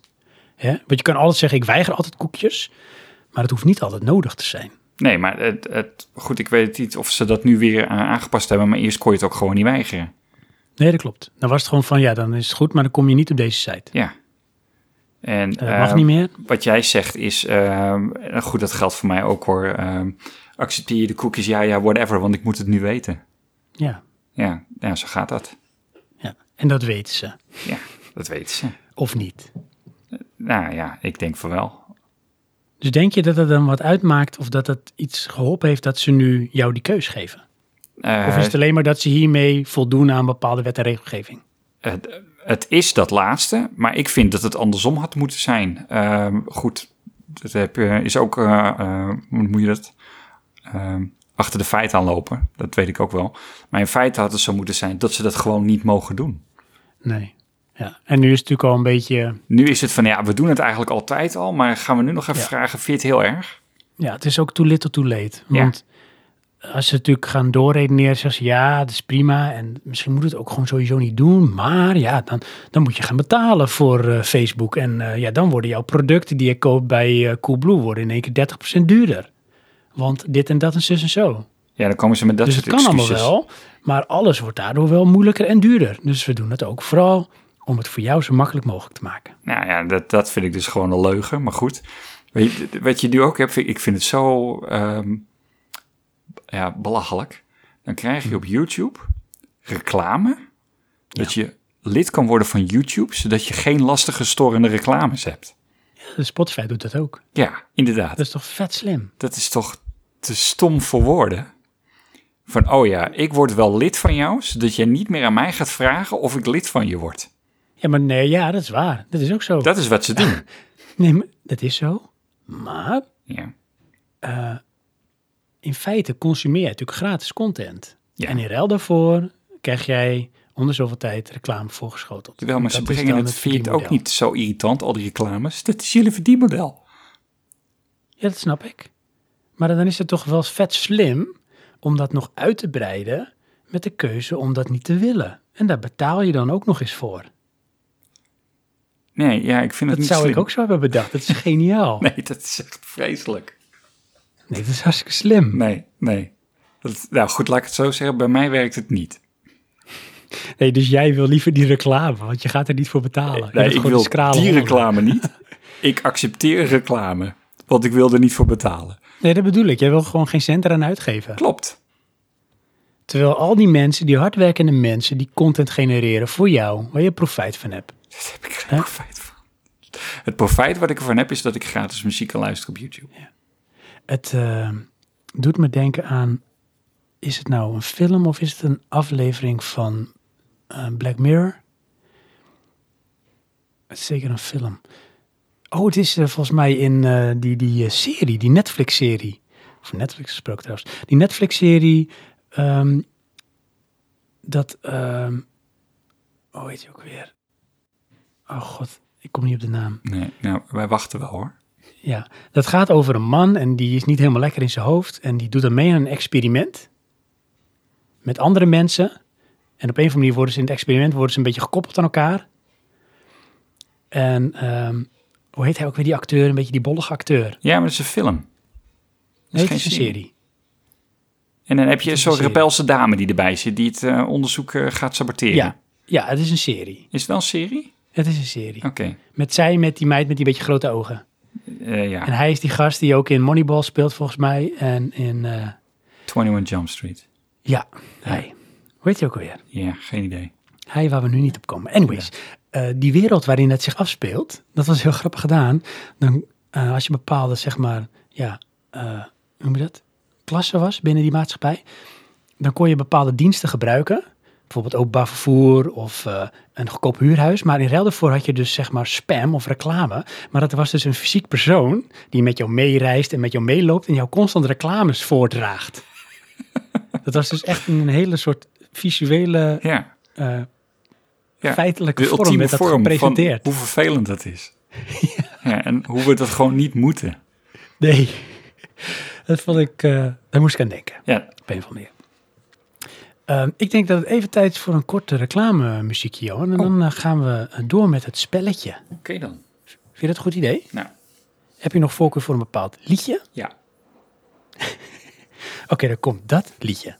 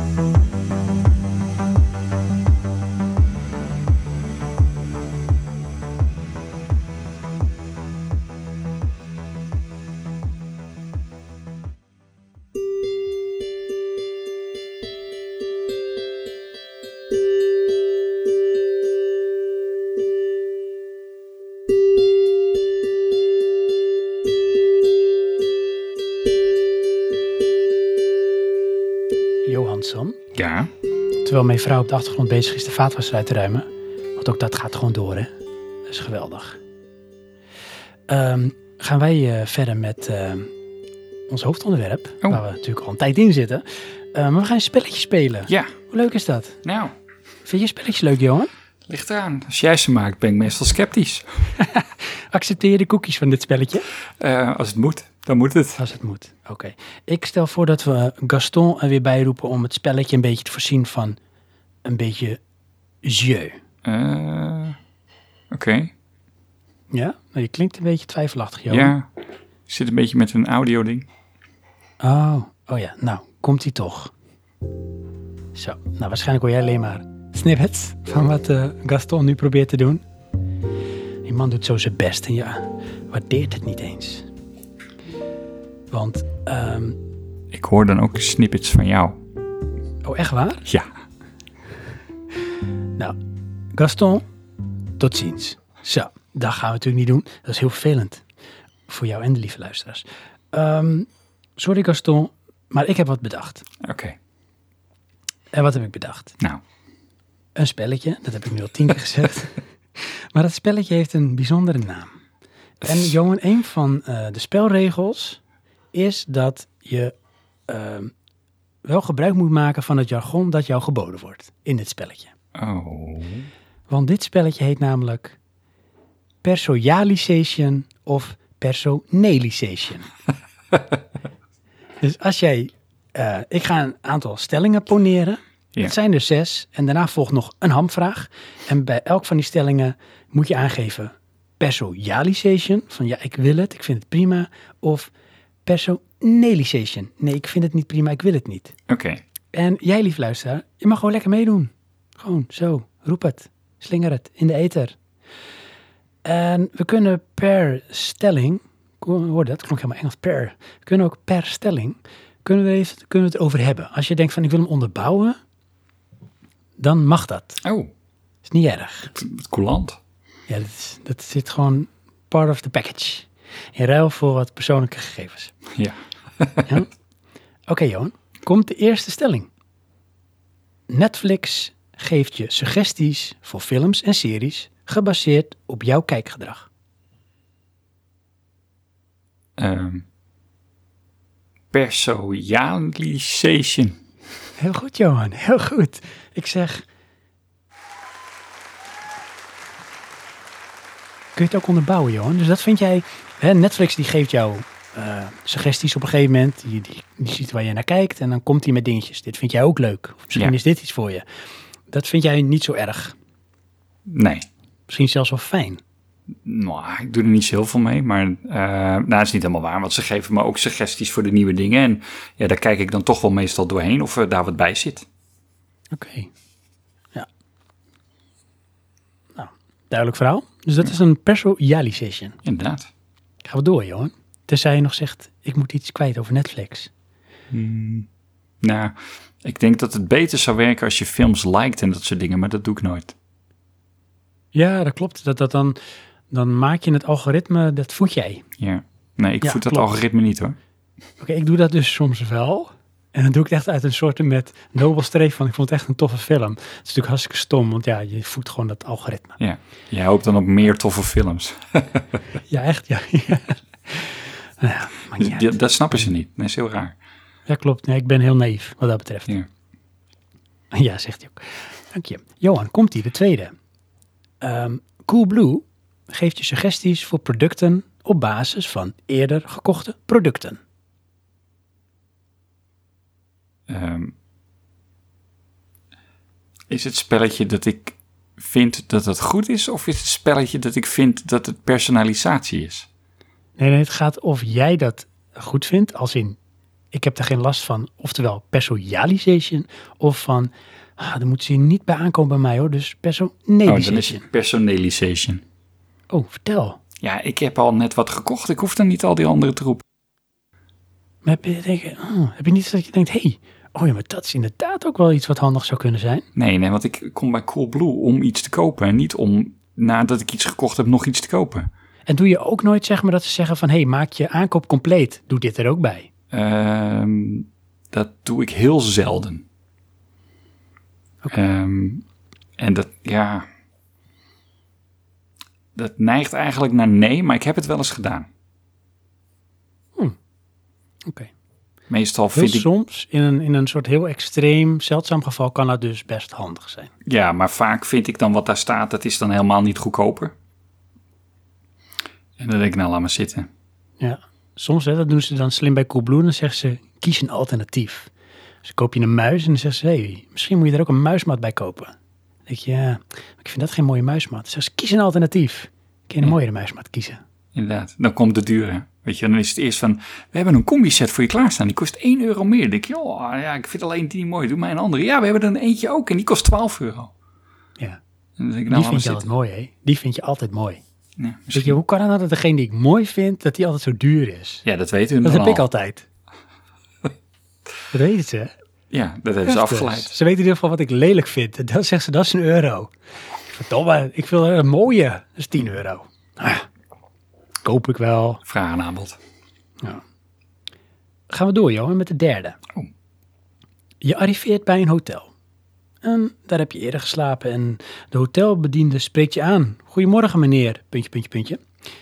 Jouw achternaam. Fijn dat je er weer bent. De vorige keer had u de kamer op de vierde etage aan de oostzijde. Eh, dat beviel wel. Zou u die kamer weer willen? En wilt u dan wederom gebruik maken van het dinerarrangement?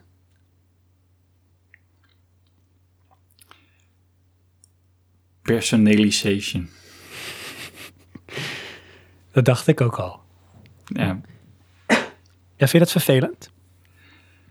Ehm, Weet je, vind je het niet fijn dat als je dan, dat heb je wel eens, hè, dan, of misschien heb je dat nooit gehad hoor, maar jij hebt meer gereisd dan ik, dat je dan ergens komt en iemand die jij nog nooit hebt ontmoet, die spreekt jou aan en het systeem die voedt die persoon, dus die kan vertellen van dit is die en die persoon, die heeft dan dat gedaan en dan word je al een beetje een soort, alsof je een bekende bent. Als Ja. je zo bijna een soort celebrity. Wat fijn dat je er weer bent en, ja, ik ben dan liever anoniem. oké. Ik, ik, zou, ik zou het ze niet kwalijk nemen of zo. Eh, maar dan ook eh, de situatie die je nu schetst, dat is dus juist wat ik niet wil. Want ik wil dus niet dezelfde kamer. Ik wil altijd een ander. Want, weet je, dan wordt het te sleur. Ja, Ja. Nou goed, ja dat, precies, dan werkt dat niet bij jou. nee. Hey, wij, wij hadden het bijvoorbeeld ehm, ons gezin bij ehm eh, Landel. En ehm, je hebt zo'n luxe Landelpark en daar zijn we dan een paar keer geweest. En de tweede keer of de derde keer dat we daar kwamen, lag er een handgeschreven briefje van Is die de. Royal Manager. Heb je hem weer? Die lag dan zeg maar op tafel. En dan stond er van, wat fijn familie Bransma dat jullie weer voor ons park hebben gekozen. Ja. Met dan een flesje wijn erbij. Hopelijk heeft u een heel fijn verblijf. Mochten de vragen zijn, schroom niet. En eh, eh, vraag het ons. Schroom niet, hou ze voor je. Dan voel je je toch een beetje welkom. Ja. Weet je? En je hebt ook een beetje het gevoel van, oeh, het is om, voor mij. Ja, dat weten ze. Ja, en, maar ik, heb daar, ik, ik vind het een goed iets hoor. Tenminste, als je het zo brengt, dan denk ik, ja, dat is toch wel tof. Maar tegelijk heb ik dan ook iets, oh, ze weten wie ik ben. Ja, ja dan gaat je anonimiteit. Ja. Hou ik niet van. Nee. de volgende. Je krijgt een persoonlijke korting op je zorgverzekering, omdat blijkt dat je al vijf jaar bij deze zorgverzekering zit en in die tijd heb je weinig zorgkosten gemaakt.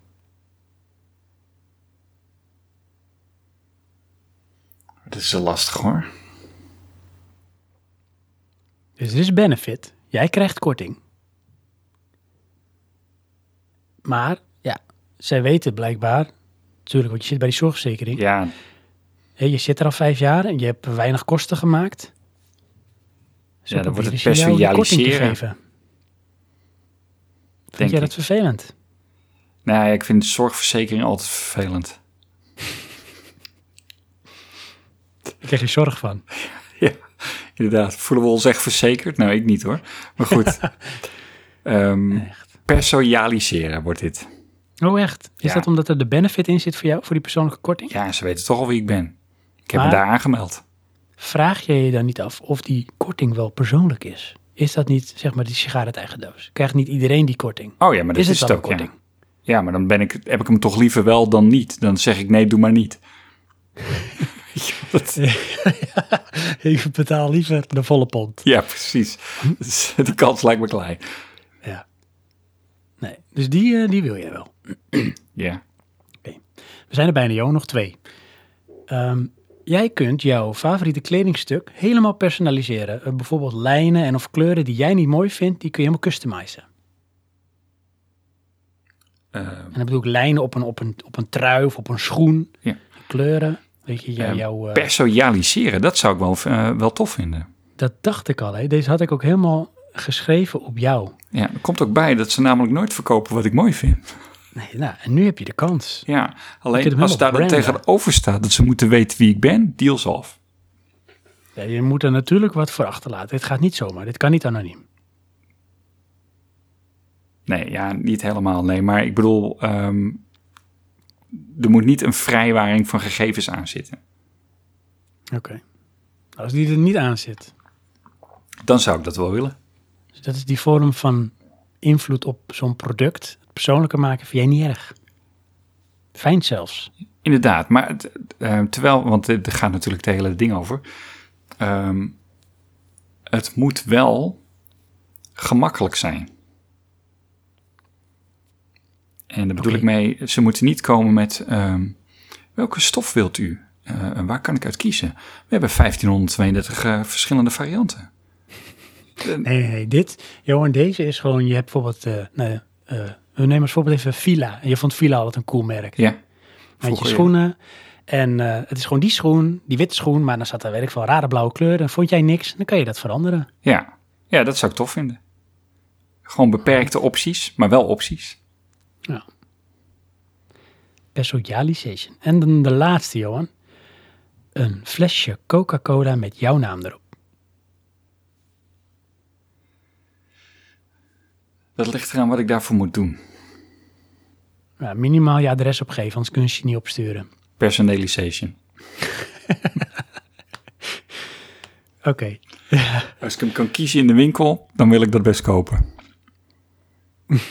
dat heb je volgens mij gehad. Ja, dat denk ik ook, ja. En dan Dat- vind ik het ja. grappig. Ja, Maar Ja. ik ga niet gegevens afgeven om een naam op een flesje te hebben wat ik uiteindelijk weggooi. ja dat is ook bullshit. Maar je, je moet ze de kost geven, jongen, wat ze ervoor doen. Ja. Ehm, nou, hartstikke goed, Johan. Gefeliciteerd. Dankjewel, wat heb ik Luister, gewonnen? Eh, wat je gewonnen hebt is dus de hamvraag. En jij moet straks Oh. een keuze maken. Dus je moet kiezen. Je krijgt straks drie, drie mogelijkheden. En ik ga ze alle drie eerst eh, ga ik ze voordragen. Ehm, daarna moet je een keuze maken. Maar wees je ervan bewust. Een keus heeft een gevolg. Oh nee. En ook voor jullie luisteraars. Dus eh, denk goed na wat je kiest. Ben je er klaar voor, Johan? Nou, Komt-ie. Jij moet kiezen. 1. Nooit meer digitaal een spoor achter hoeven laten. Jij bent dus echt anoniem. Of 2. Een leven lang 50% korting op alle diensten en services die bestaan of nog komen. Of 3. De rest van je leven wordt de politieke partij die jij kiest de grootste partij van Nederland. Eh, dan kies ik één. En waarom? Eh, omdat bij twee, ehm, daar zit waarschijnlijk een consequentie aan waar ik niet mee wil leven.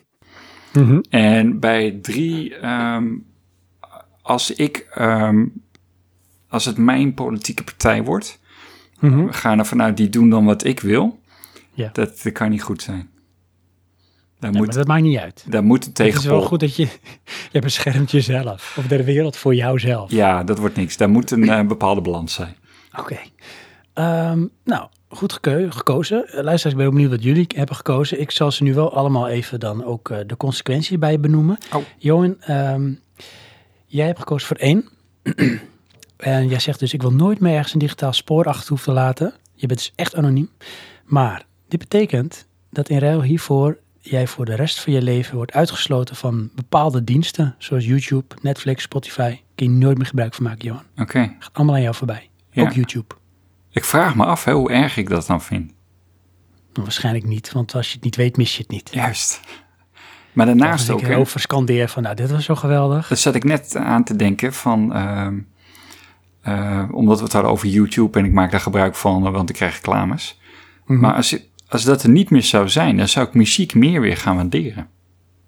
Ik denk het ook. Dat is ook echt zo. Ja. Dat is net met, met alle diensten, zeker als het soort streaming is. Inderdaad. Van, eh, je- dan, dan moet je het echt doen met wat je hebt. Ja, dan heeft dat veel waar. meer waarde.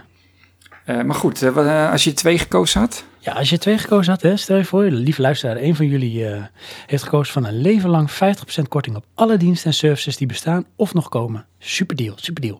Maar in ruil hiervoor mogen deze bedrijven veel informatie over jou opslaan om jou gepersonaliseerde informatie te kunnen tonen en bepaalde beslissingen te nemen. ja. Dat klinkt toch niet goed? Oeh, is niet goed. Hoe heb je dit bij elkaar derde, ik had zo gehoopt dat jij de derde had gekozen. Oh, oké. Nou, Ah, want dit was de paradox. Ja. Ehm, de rest van je leven wordt de politieke partij die jij kiest de grootste partij van Nederland. Maar in ruil hiervoor wordt jouw digitaal gedrag geprofileerd en gebruikt om je te proberen een bepaalde richting op te duwen. Dus uiteindelijk kies jij voor een partij waar je helemaal niet op wil kiezen, maar zo word jij geprimed. dat En is, dan wordt die partij de grootste van Nederland. dat is echt evil. Dan word ik dus juist eh, verbogen naar te worden wat zij willen. Goed hè? En jij hebt zo het idee van, nou weet je, dat is echt fantastisch. Ik kies en het wordt, het- ze, worden- ze worden het weer. Dat is echt de ultieme eh, politicus die dat weet te doen. Ja, dan ben je de beste spin doctor of weet ik whatever. Om dat zo eh, te kunnen realiseren. Ja, dus dat, dat was de hamvraag. Dat was ook hiermee het spelletje personalization of personalization. Dat is een beetje moeilijk per zo. Wat zegt u? Ik zeg een beetje moeilijk per zo woord. Ja, het is eh, lastig hoor. Maar dat, ik vind het leuk af en toe lastig geworden eh, Oké. ja. te gebruiken. Hey, voordat we mm, de laatste luisteraars behandelen, want we zijn redelijk richting het einde van deze aflevering, ja. heb ik nog ehm, één vraag voor jou. Oh, nog één. Bonusvraag. En misschien heb je hem al ergens beantwoord, maar dan is hij lekker kort en bondig. Ehm, nou, ik ga twee vragen stellen. Oh. Eén. Zijn er wat jou betreft grenzen voor wat betreft personalisatie? Grenzen voor wat betreft personalisatie. Ja. Ehm, nou ja, die zijn al bereikt. Bijvoorbeeld met de zorgverzekering. Al die keuzeopties, dat denk ik, eh, wat is het voor belachelijk iets? Ik wil gewoon verzekerd zijn, klaar. Ja. Ja. Maar dan zeg je ook bijvoorbeeld eh, eigen risico. Bullshit. Ja, vind ik allemaal onzin. Ehm, ja. Eh, je hebt mensen die zeggen van, weet je, prima. Geef mij nou maar gewoon een, eh, hoe heet het, een eh, verzekering polis die eh, maandelijks 20 euro goedkoper is. En ik heb toch niet zo vaak iets. Dat scheelt mij wel weer een eigen risico ehm, die ik dan anders moet betalen. Of die moet ik juist betalen, maar dat scheelt me dan 20 euro per maand. Dus dat risico neem ik wel. Vind ik niet erg. is mijn keus. Ja, nou, ik snap het wel. en Ik snap ook wel die keuze. Maar ik vind het, het splitsen van die zorgverzekering persoonlijk onzin. En ik vind, weet je, ehm, doe dat als collectief. Het- dan eh, kan je met z'n allen die kosten drukken. Ehm, Nu is het van, ik wil niet betalen voor iemand anders die dan dit ooit gebruikt. En dan denk ik, ja, niemand kiest toch voor om ziek te worden. Nou, dat. Ik vind het eng als zorgmarkt een product wordt. En dat is natuurlijk nu wel helemaal is het geworden. 100% marktwerking en commercieel. En ja, dat is wat jij zegt. Sluit ik me helemaal aan. Het is vaak, het is meestal geen keus. Maar zo wordt het dan haast wel gebracht. Dat is raar. Ja, dat is een grens. ja, inderdaad. En ehm, dan even een beetje een soort haast allesomvattende vraag. Is personalisatie in de basis misbruik maken van de situatie? Eh, Als zijnde de partij die de personalisatie verzorgt. Ehm, ja, eigenlijk wel, want het is altijd eh, geënt op winst. De, er is geen personalisatie die je doet om jou eh, beter te maken. Het is altijd om jou iets te verkopen.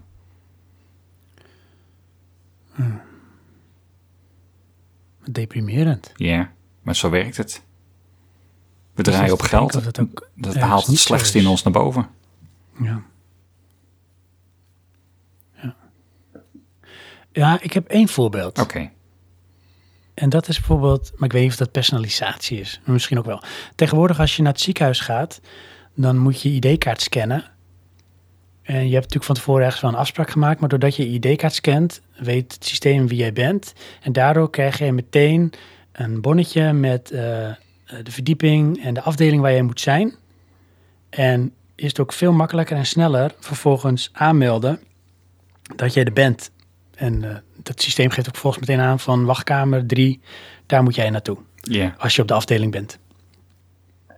Dus dat is ook een stukje, noem ik dan maar even toch personalisatie. Dat jij wordt als het ware door het systeem aan het handje genomen. Dat ze weten wie je bent. Zodat je veel sneller en gerichter geholpen kan worden. In plaats van dat je naar die Bali-medewerkster moet. Dat je zegt, ja, ik heb een afspraak in het ziekenhuis bij eh, dokter Pannenkoek. En eh, waar moet ik heen? Nou, de grap is dus, toen mijn vrouw haar arm brak, Ja, ehm, elleboog, tijdens vlak na het schaatsen, want we stopten en ze viel tijdens het willen gaan zitten. Hm. Ehm, toen werden we dus gescand en toen waren we kwijt in het systeem. En uiteindelijk zaten we acht uur in het ziekenhuis. daardoor. Ja, want wij stonden bij de balie en die mensen zaten, ja, maar je staat niet in deze computer. Ik ben hier toch echt, zei je. Ja, Deze elleboog is toch en dan echt, niet de balie beneden, maar de balie op de afdeling waar we moesten zijn. Ja, Ehm, recentelijk, ehm nou, dus ik denk alweer een jaar geleden, ging ik eh, bloed af eh, laten nemen.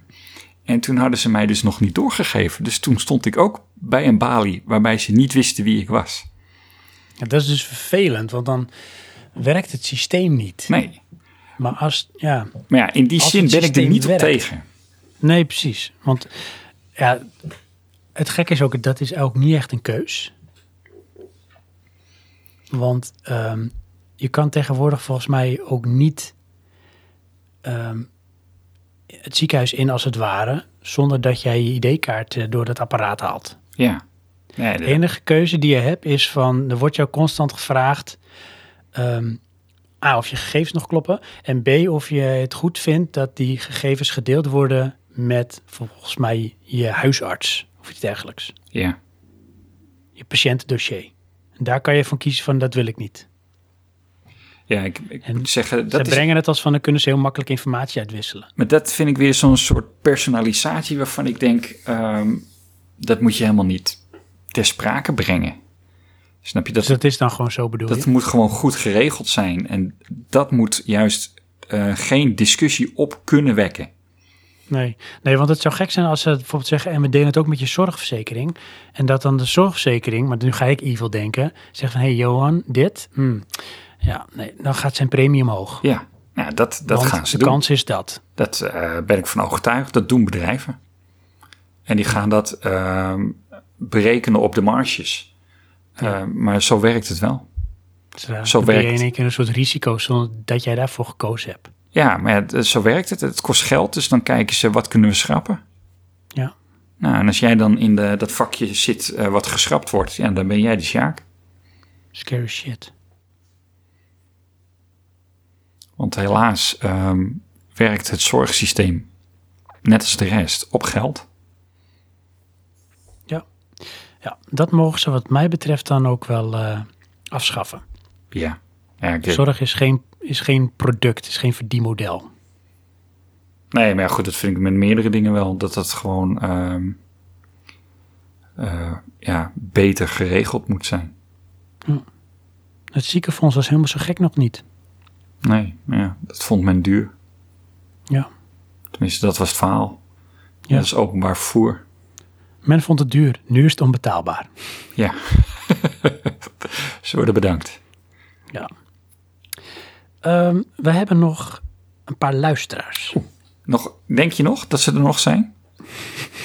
of zijn ze afgehaald? Nou, ik vraag het me wel af hoor. Het zou best wel kunnen dat mensen afhaken. Ja, het is een erg politiek geladen discussie. Zeker. Ja. Maar soms is het belangrijk hè. Dat moet ook wel eens. Ja, we hebben kan niet binnenkort... altijd eh, alleen maar eh, vrijheid, blijheid zijn, Johan. Oh. Oké. Wil je- Heb je nog een mening over het optreden van eh, die Martijn Koning? Eh, ja. Wil je die delen? Oh, is- Ehm, Dan skippen we de luisteraars. We zijn klaar met de luisteraars. We bedanken de luisteraars. En dan wil ik dat als afsluiting nog wel eens even weten van jou. Oké, ja, ik... eh, Mag, het- kan jij een stukje context eh, schetsen wat er eh, gebeurd is? nou, eh, de, wat is het? eh, Thierry Baudet? Ferry Baudet, Ja. hoe heet hij? Thierry, Thierry Baudet. Thierry Baudet, die zat bij Jinek, als het goed is. Mhm. En daar is dus een cabaretier, waarvan jij de naam we- weet, ik niet meer Ja, al. Martijn Koning. En ehm, ja, die begon dus een, een, een stukje en ehm, ja, die praatte daar eigenlijk de persoonlijke situatie aan van Thierry Baudet. Ja. En over dat eh, de uitspraken die Thierry Baudet doet vanuit zijn politieke partij, dus eh, negatieve consequenties heeft op zijn persoonlijke situaties. Ja. Ehm, ja, ik vond dat, ehm, goed dat ik het zo zeggen, ehm, het is een cabaretier. En Ja. in mijn hoofd moeten cabaretiers grappig zijn. En ik vond het niet grappig. Mhm. Ik vond het ook te persoonlijk. ja, dat vond Thierry ook. Ja, Die stapte op, die knoopte zijn eh, jasje dicht en die liep eh, de studio uit. ja. Nou is eh Thierry Baudet niet mijn held of iets dergelijks. Ehm, en goed, ik, ik heb hier veel reacties op, op gelezen op nu.nl. Ja, En daar is toch ook wel de toon van eh, ja, wie de bal kan hem terug verwachten. Oh, wat apart, hé. Ik had dat niet verwacht. Want ik, ik heb dit dan een beetje gevolgd via de Twitter-kant. Ja, En eh, of Twitter moet mij heel erg aan het polariseren zijn, omdat ik de helft van de, de reacties niet zie. Maar daarin wordt het over het algemeen afgekeurd. Jawel, dat was op, een beetje op- beide partijen. Dat in de basis iedereen zegt van ja, dit is eigenlijk onfatsoenlijk. Nee, dat is bij, bij nu.nl was dat ook wel, maar daar had je dan als nevenboodschap dat. Snap Ja. je? Dus in, in- wat mensen veel doen is, in de kern is men het eh, is tegen. Ja. Maar, en dan komt dat. Ja, En- het is wel raar. Vind ik wel, ja. Nee, Ik vind het een hele lastig hoor, maar ik vind het altijd zo raar dat iemand zegt van ja, maar ja, wie de balkaart kan hem terugverwachten. Maar dat, dat is heel raar eigenlijk. nou, dat vind ik dan niet, alleen eh, niet op deze manier. Ehm, Nee, oké, dat, dat is het misschien dan meer, want dit werd natuurlijk wel heel persoonlijk. ja, en dit is, En de- je, je nodigt iemand uit, die zet je in een setting neer en die krijgt de volle laag. Ja, die, en die is daar niet helemaal op voorbereid. Nee, en die ook. eh, kijk, als het een, een eh, weet je, neem een eh, debat is, dan is dat de setting. Dan weet je wat er gaat gebeuren. Ja, of je hebt zo'n programma, zo'n roast, en dan neem je aan deel en dan weet je dat je te kakken wordt gezet. Maar Ja. dat is dan een keus. Inderdaad. Ja, en dit. En ik heb, ja, ik, ja. ik denk dat mensen die dit vergoeilijken het, het toch zien als van. Eh, weet je, hij in het politieke domein, of eh, in het publieke domein, ja, dan gebeurt dit ook in het publieke domein. ja, Ja, zelf zie ik dat iets anders.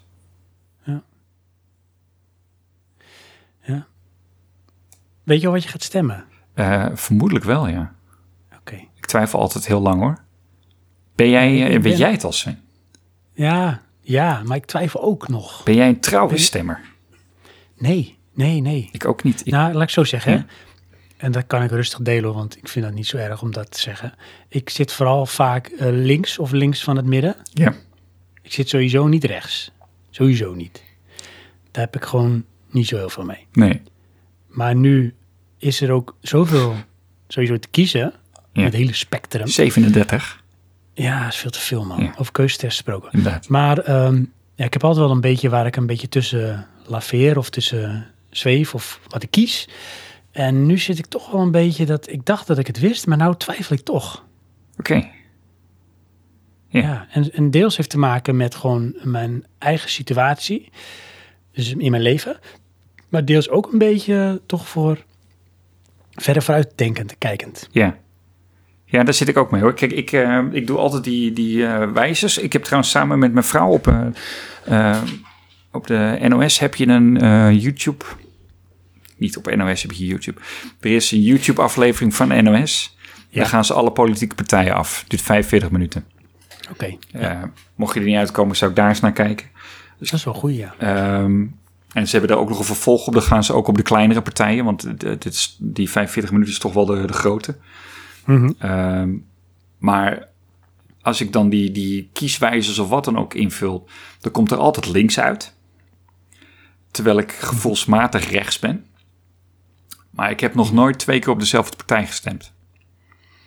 Ik, Ehm, maar bedoel je dat je met tussenpozen wel eens dezelfde partij hebt gehad? Of heb je echt nooit twee keer op eenzelfde partij gestemd? nee, ik heb nooit twee keer op eenzelfde partij gestemd. Ik stem Wow, jij gaat ze net als in een restaurant, ga jij ze allemaal af? inderdaad.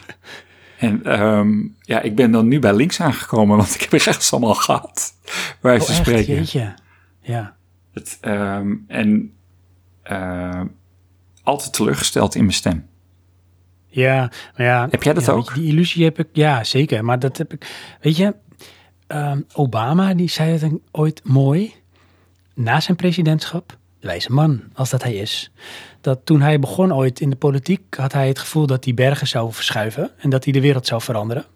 En zo ging hij er ook in. En eh, hij liep van de ene teleurstelling in de andere.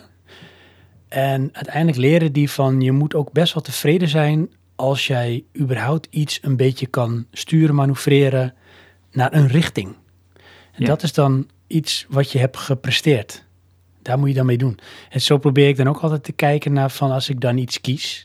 Ik verwacht niet dat die persoon alles gaat realiseren wat hij in zijn programma pretendeert of eh, ja, eh, stelt te gaan doen. Want dat is natuurlijk niet realistisch, want je zit in een coalitie. Je moet het met meerdere mensen doen. Je moet altijd concessies doen. ja.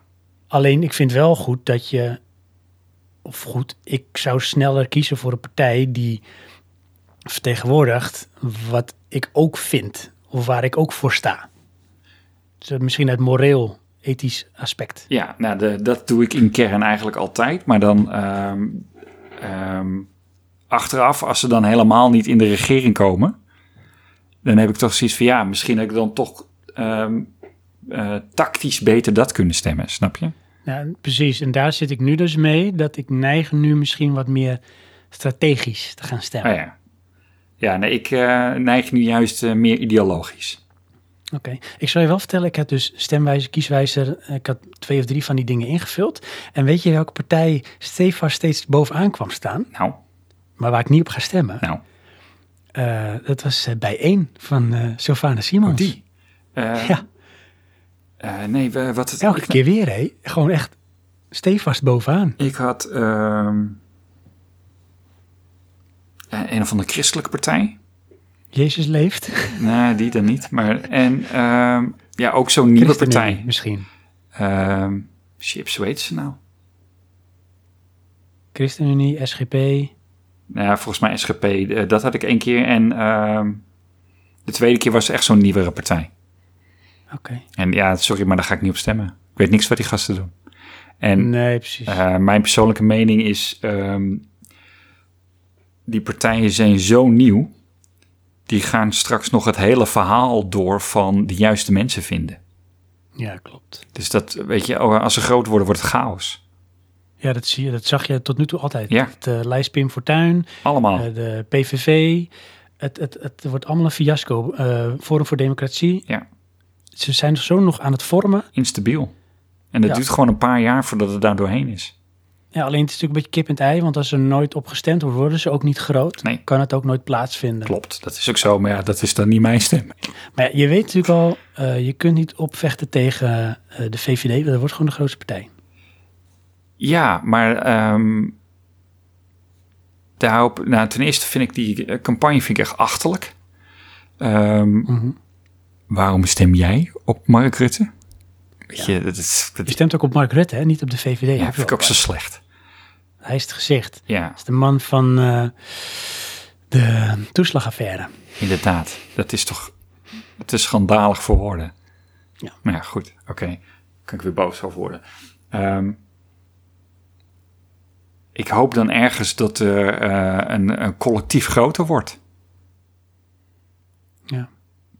Maar ja, tegelijk hè, eh, ben ik... ehm, volgens mij was het met eh, de PVV, maar dat weet ik niet zeker...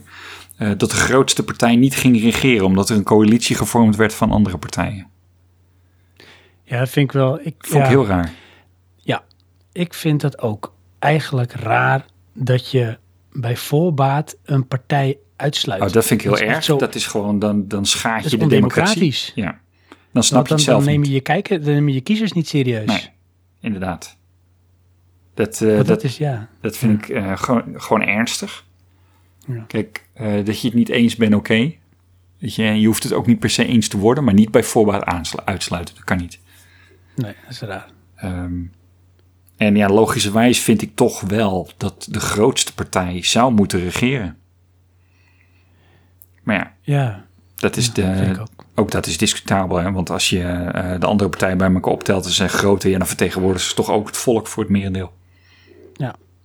Maar vind je ook bijvoorbeeld dat dan... En dan sluiten we dit verhaal af met misschien nog een nabrander hier en daar. Maar vind je dan ook dat bijvoorbeeld dat de ene grootste partij sowieso ook mee moet regeren? De ene grootste. Ja. Dat is wel heel tactisch bijvoorbeeld, eh, met PVV volgens mij toen. Die was volgens mij de ene grootste. Of een keer Ik dacht dat die toen de grootste was en toen werd er een coalitie gevormd met andere partijen, Ja, is ook nog kunnen. zodat hij niet meedeed. Ja, maar vind je dat dan ook? Van die moeten sowieso, nou, waarschijnlijk zit hij ook in eerste instantie aan de onderhandeltafel, maar ja, als hij niet uitkomt, kom je er niet uit. Maar soms is het ook een soort missie eh, om bepaalde partijen natuurlijk buiten de deur te houden. Ja, nou ja, dat doen ze eigenlijk alleen met eh, PVV en eh, Vorm van Democratie. Ja. De rest eh, wordt schijnbaar dan eh, sociaal wel geaccepteerd. Eh, ja. Dat, dat, eh, wat ik, ik, ik vind dat raar. Want Ja. eh, wat je zegt, je, je zegt eigenlijk letterlijk, die partijen worden zo groot, dus een groot deel van het volk schrijf je af. Want die doet dat dan maar niet het, mee. Ja, dat kun je niet doen. Nee, dat Je kan kan het ermee oneens zijn, maar dan ja, moet je zorgen dat je dat in de Kamer met elkaar, dat je eruit komt. Ja. Daar word je voor gekozen. Ja, dan had je toch een beter verhaal moeten vertellen, vind ik. Maar goed. Ja, dat is zo. Ja, dan heeft die andere partij beter zijn huiswerk gedaan. Ja. Goed. Weet je wat politiek, man? Ja, praatje politiek nog even aan het einde. Ja, leuk hè? Prop er gewoon in. Ehm, ik denk dat we hiermee ook wel een beetje aan het einde zijn gekomen van ons Latijn en van de aflevering en zo. En van deze dag, want het is al de volgende dag. Ja, Letterlijk. bedankt alle Ehm, inzenders. Juist, ja. Dus, eh, ik zal heel kort even het rijtje afgaan.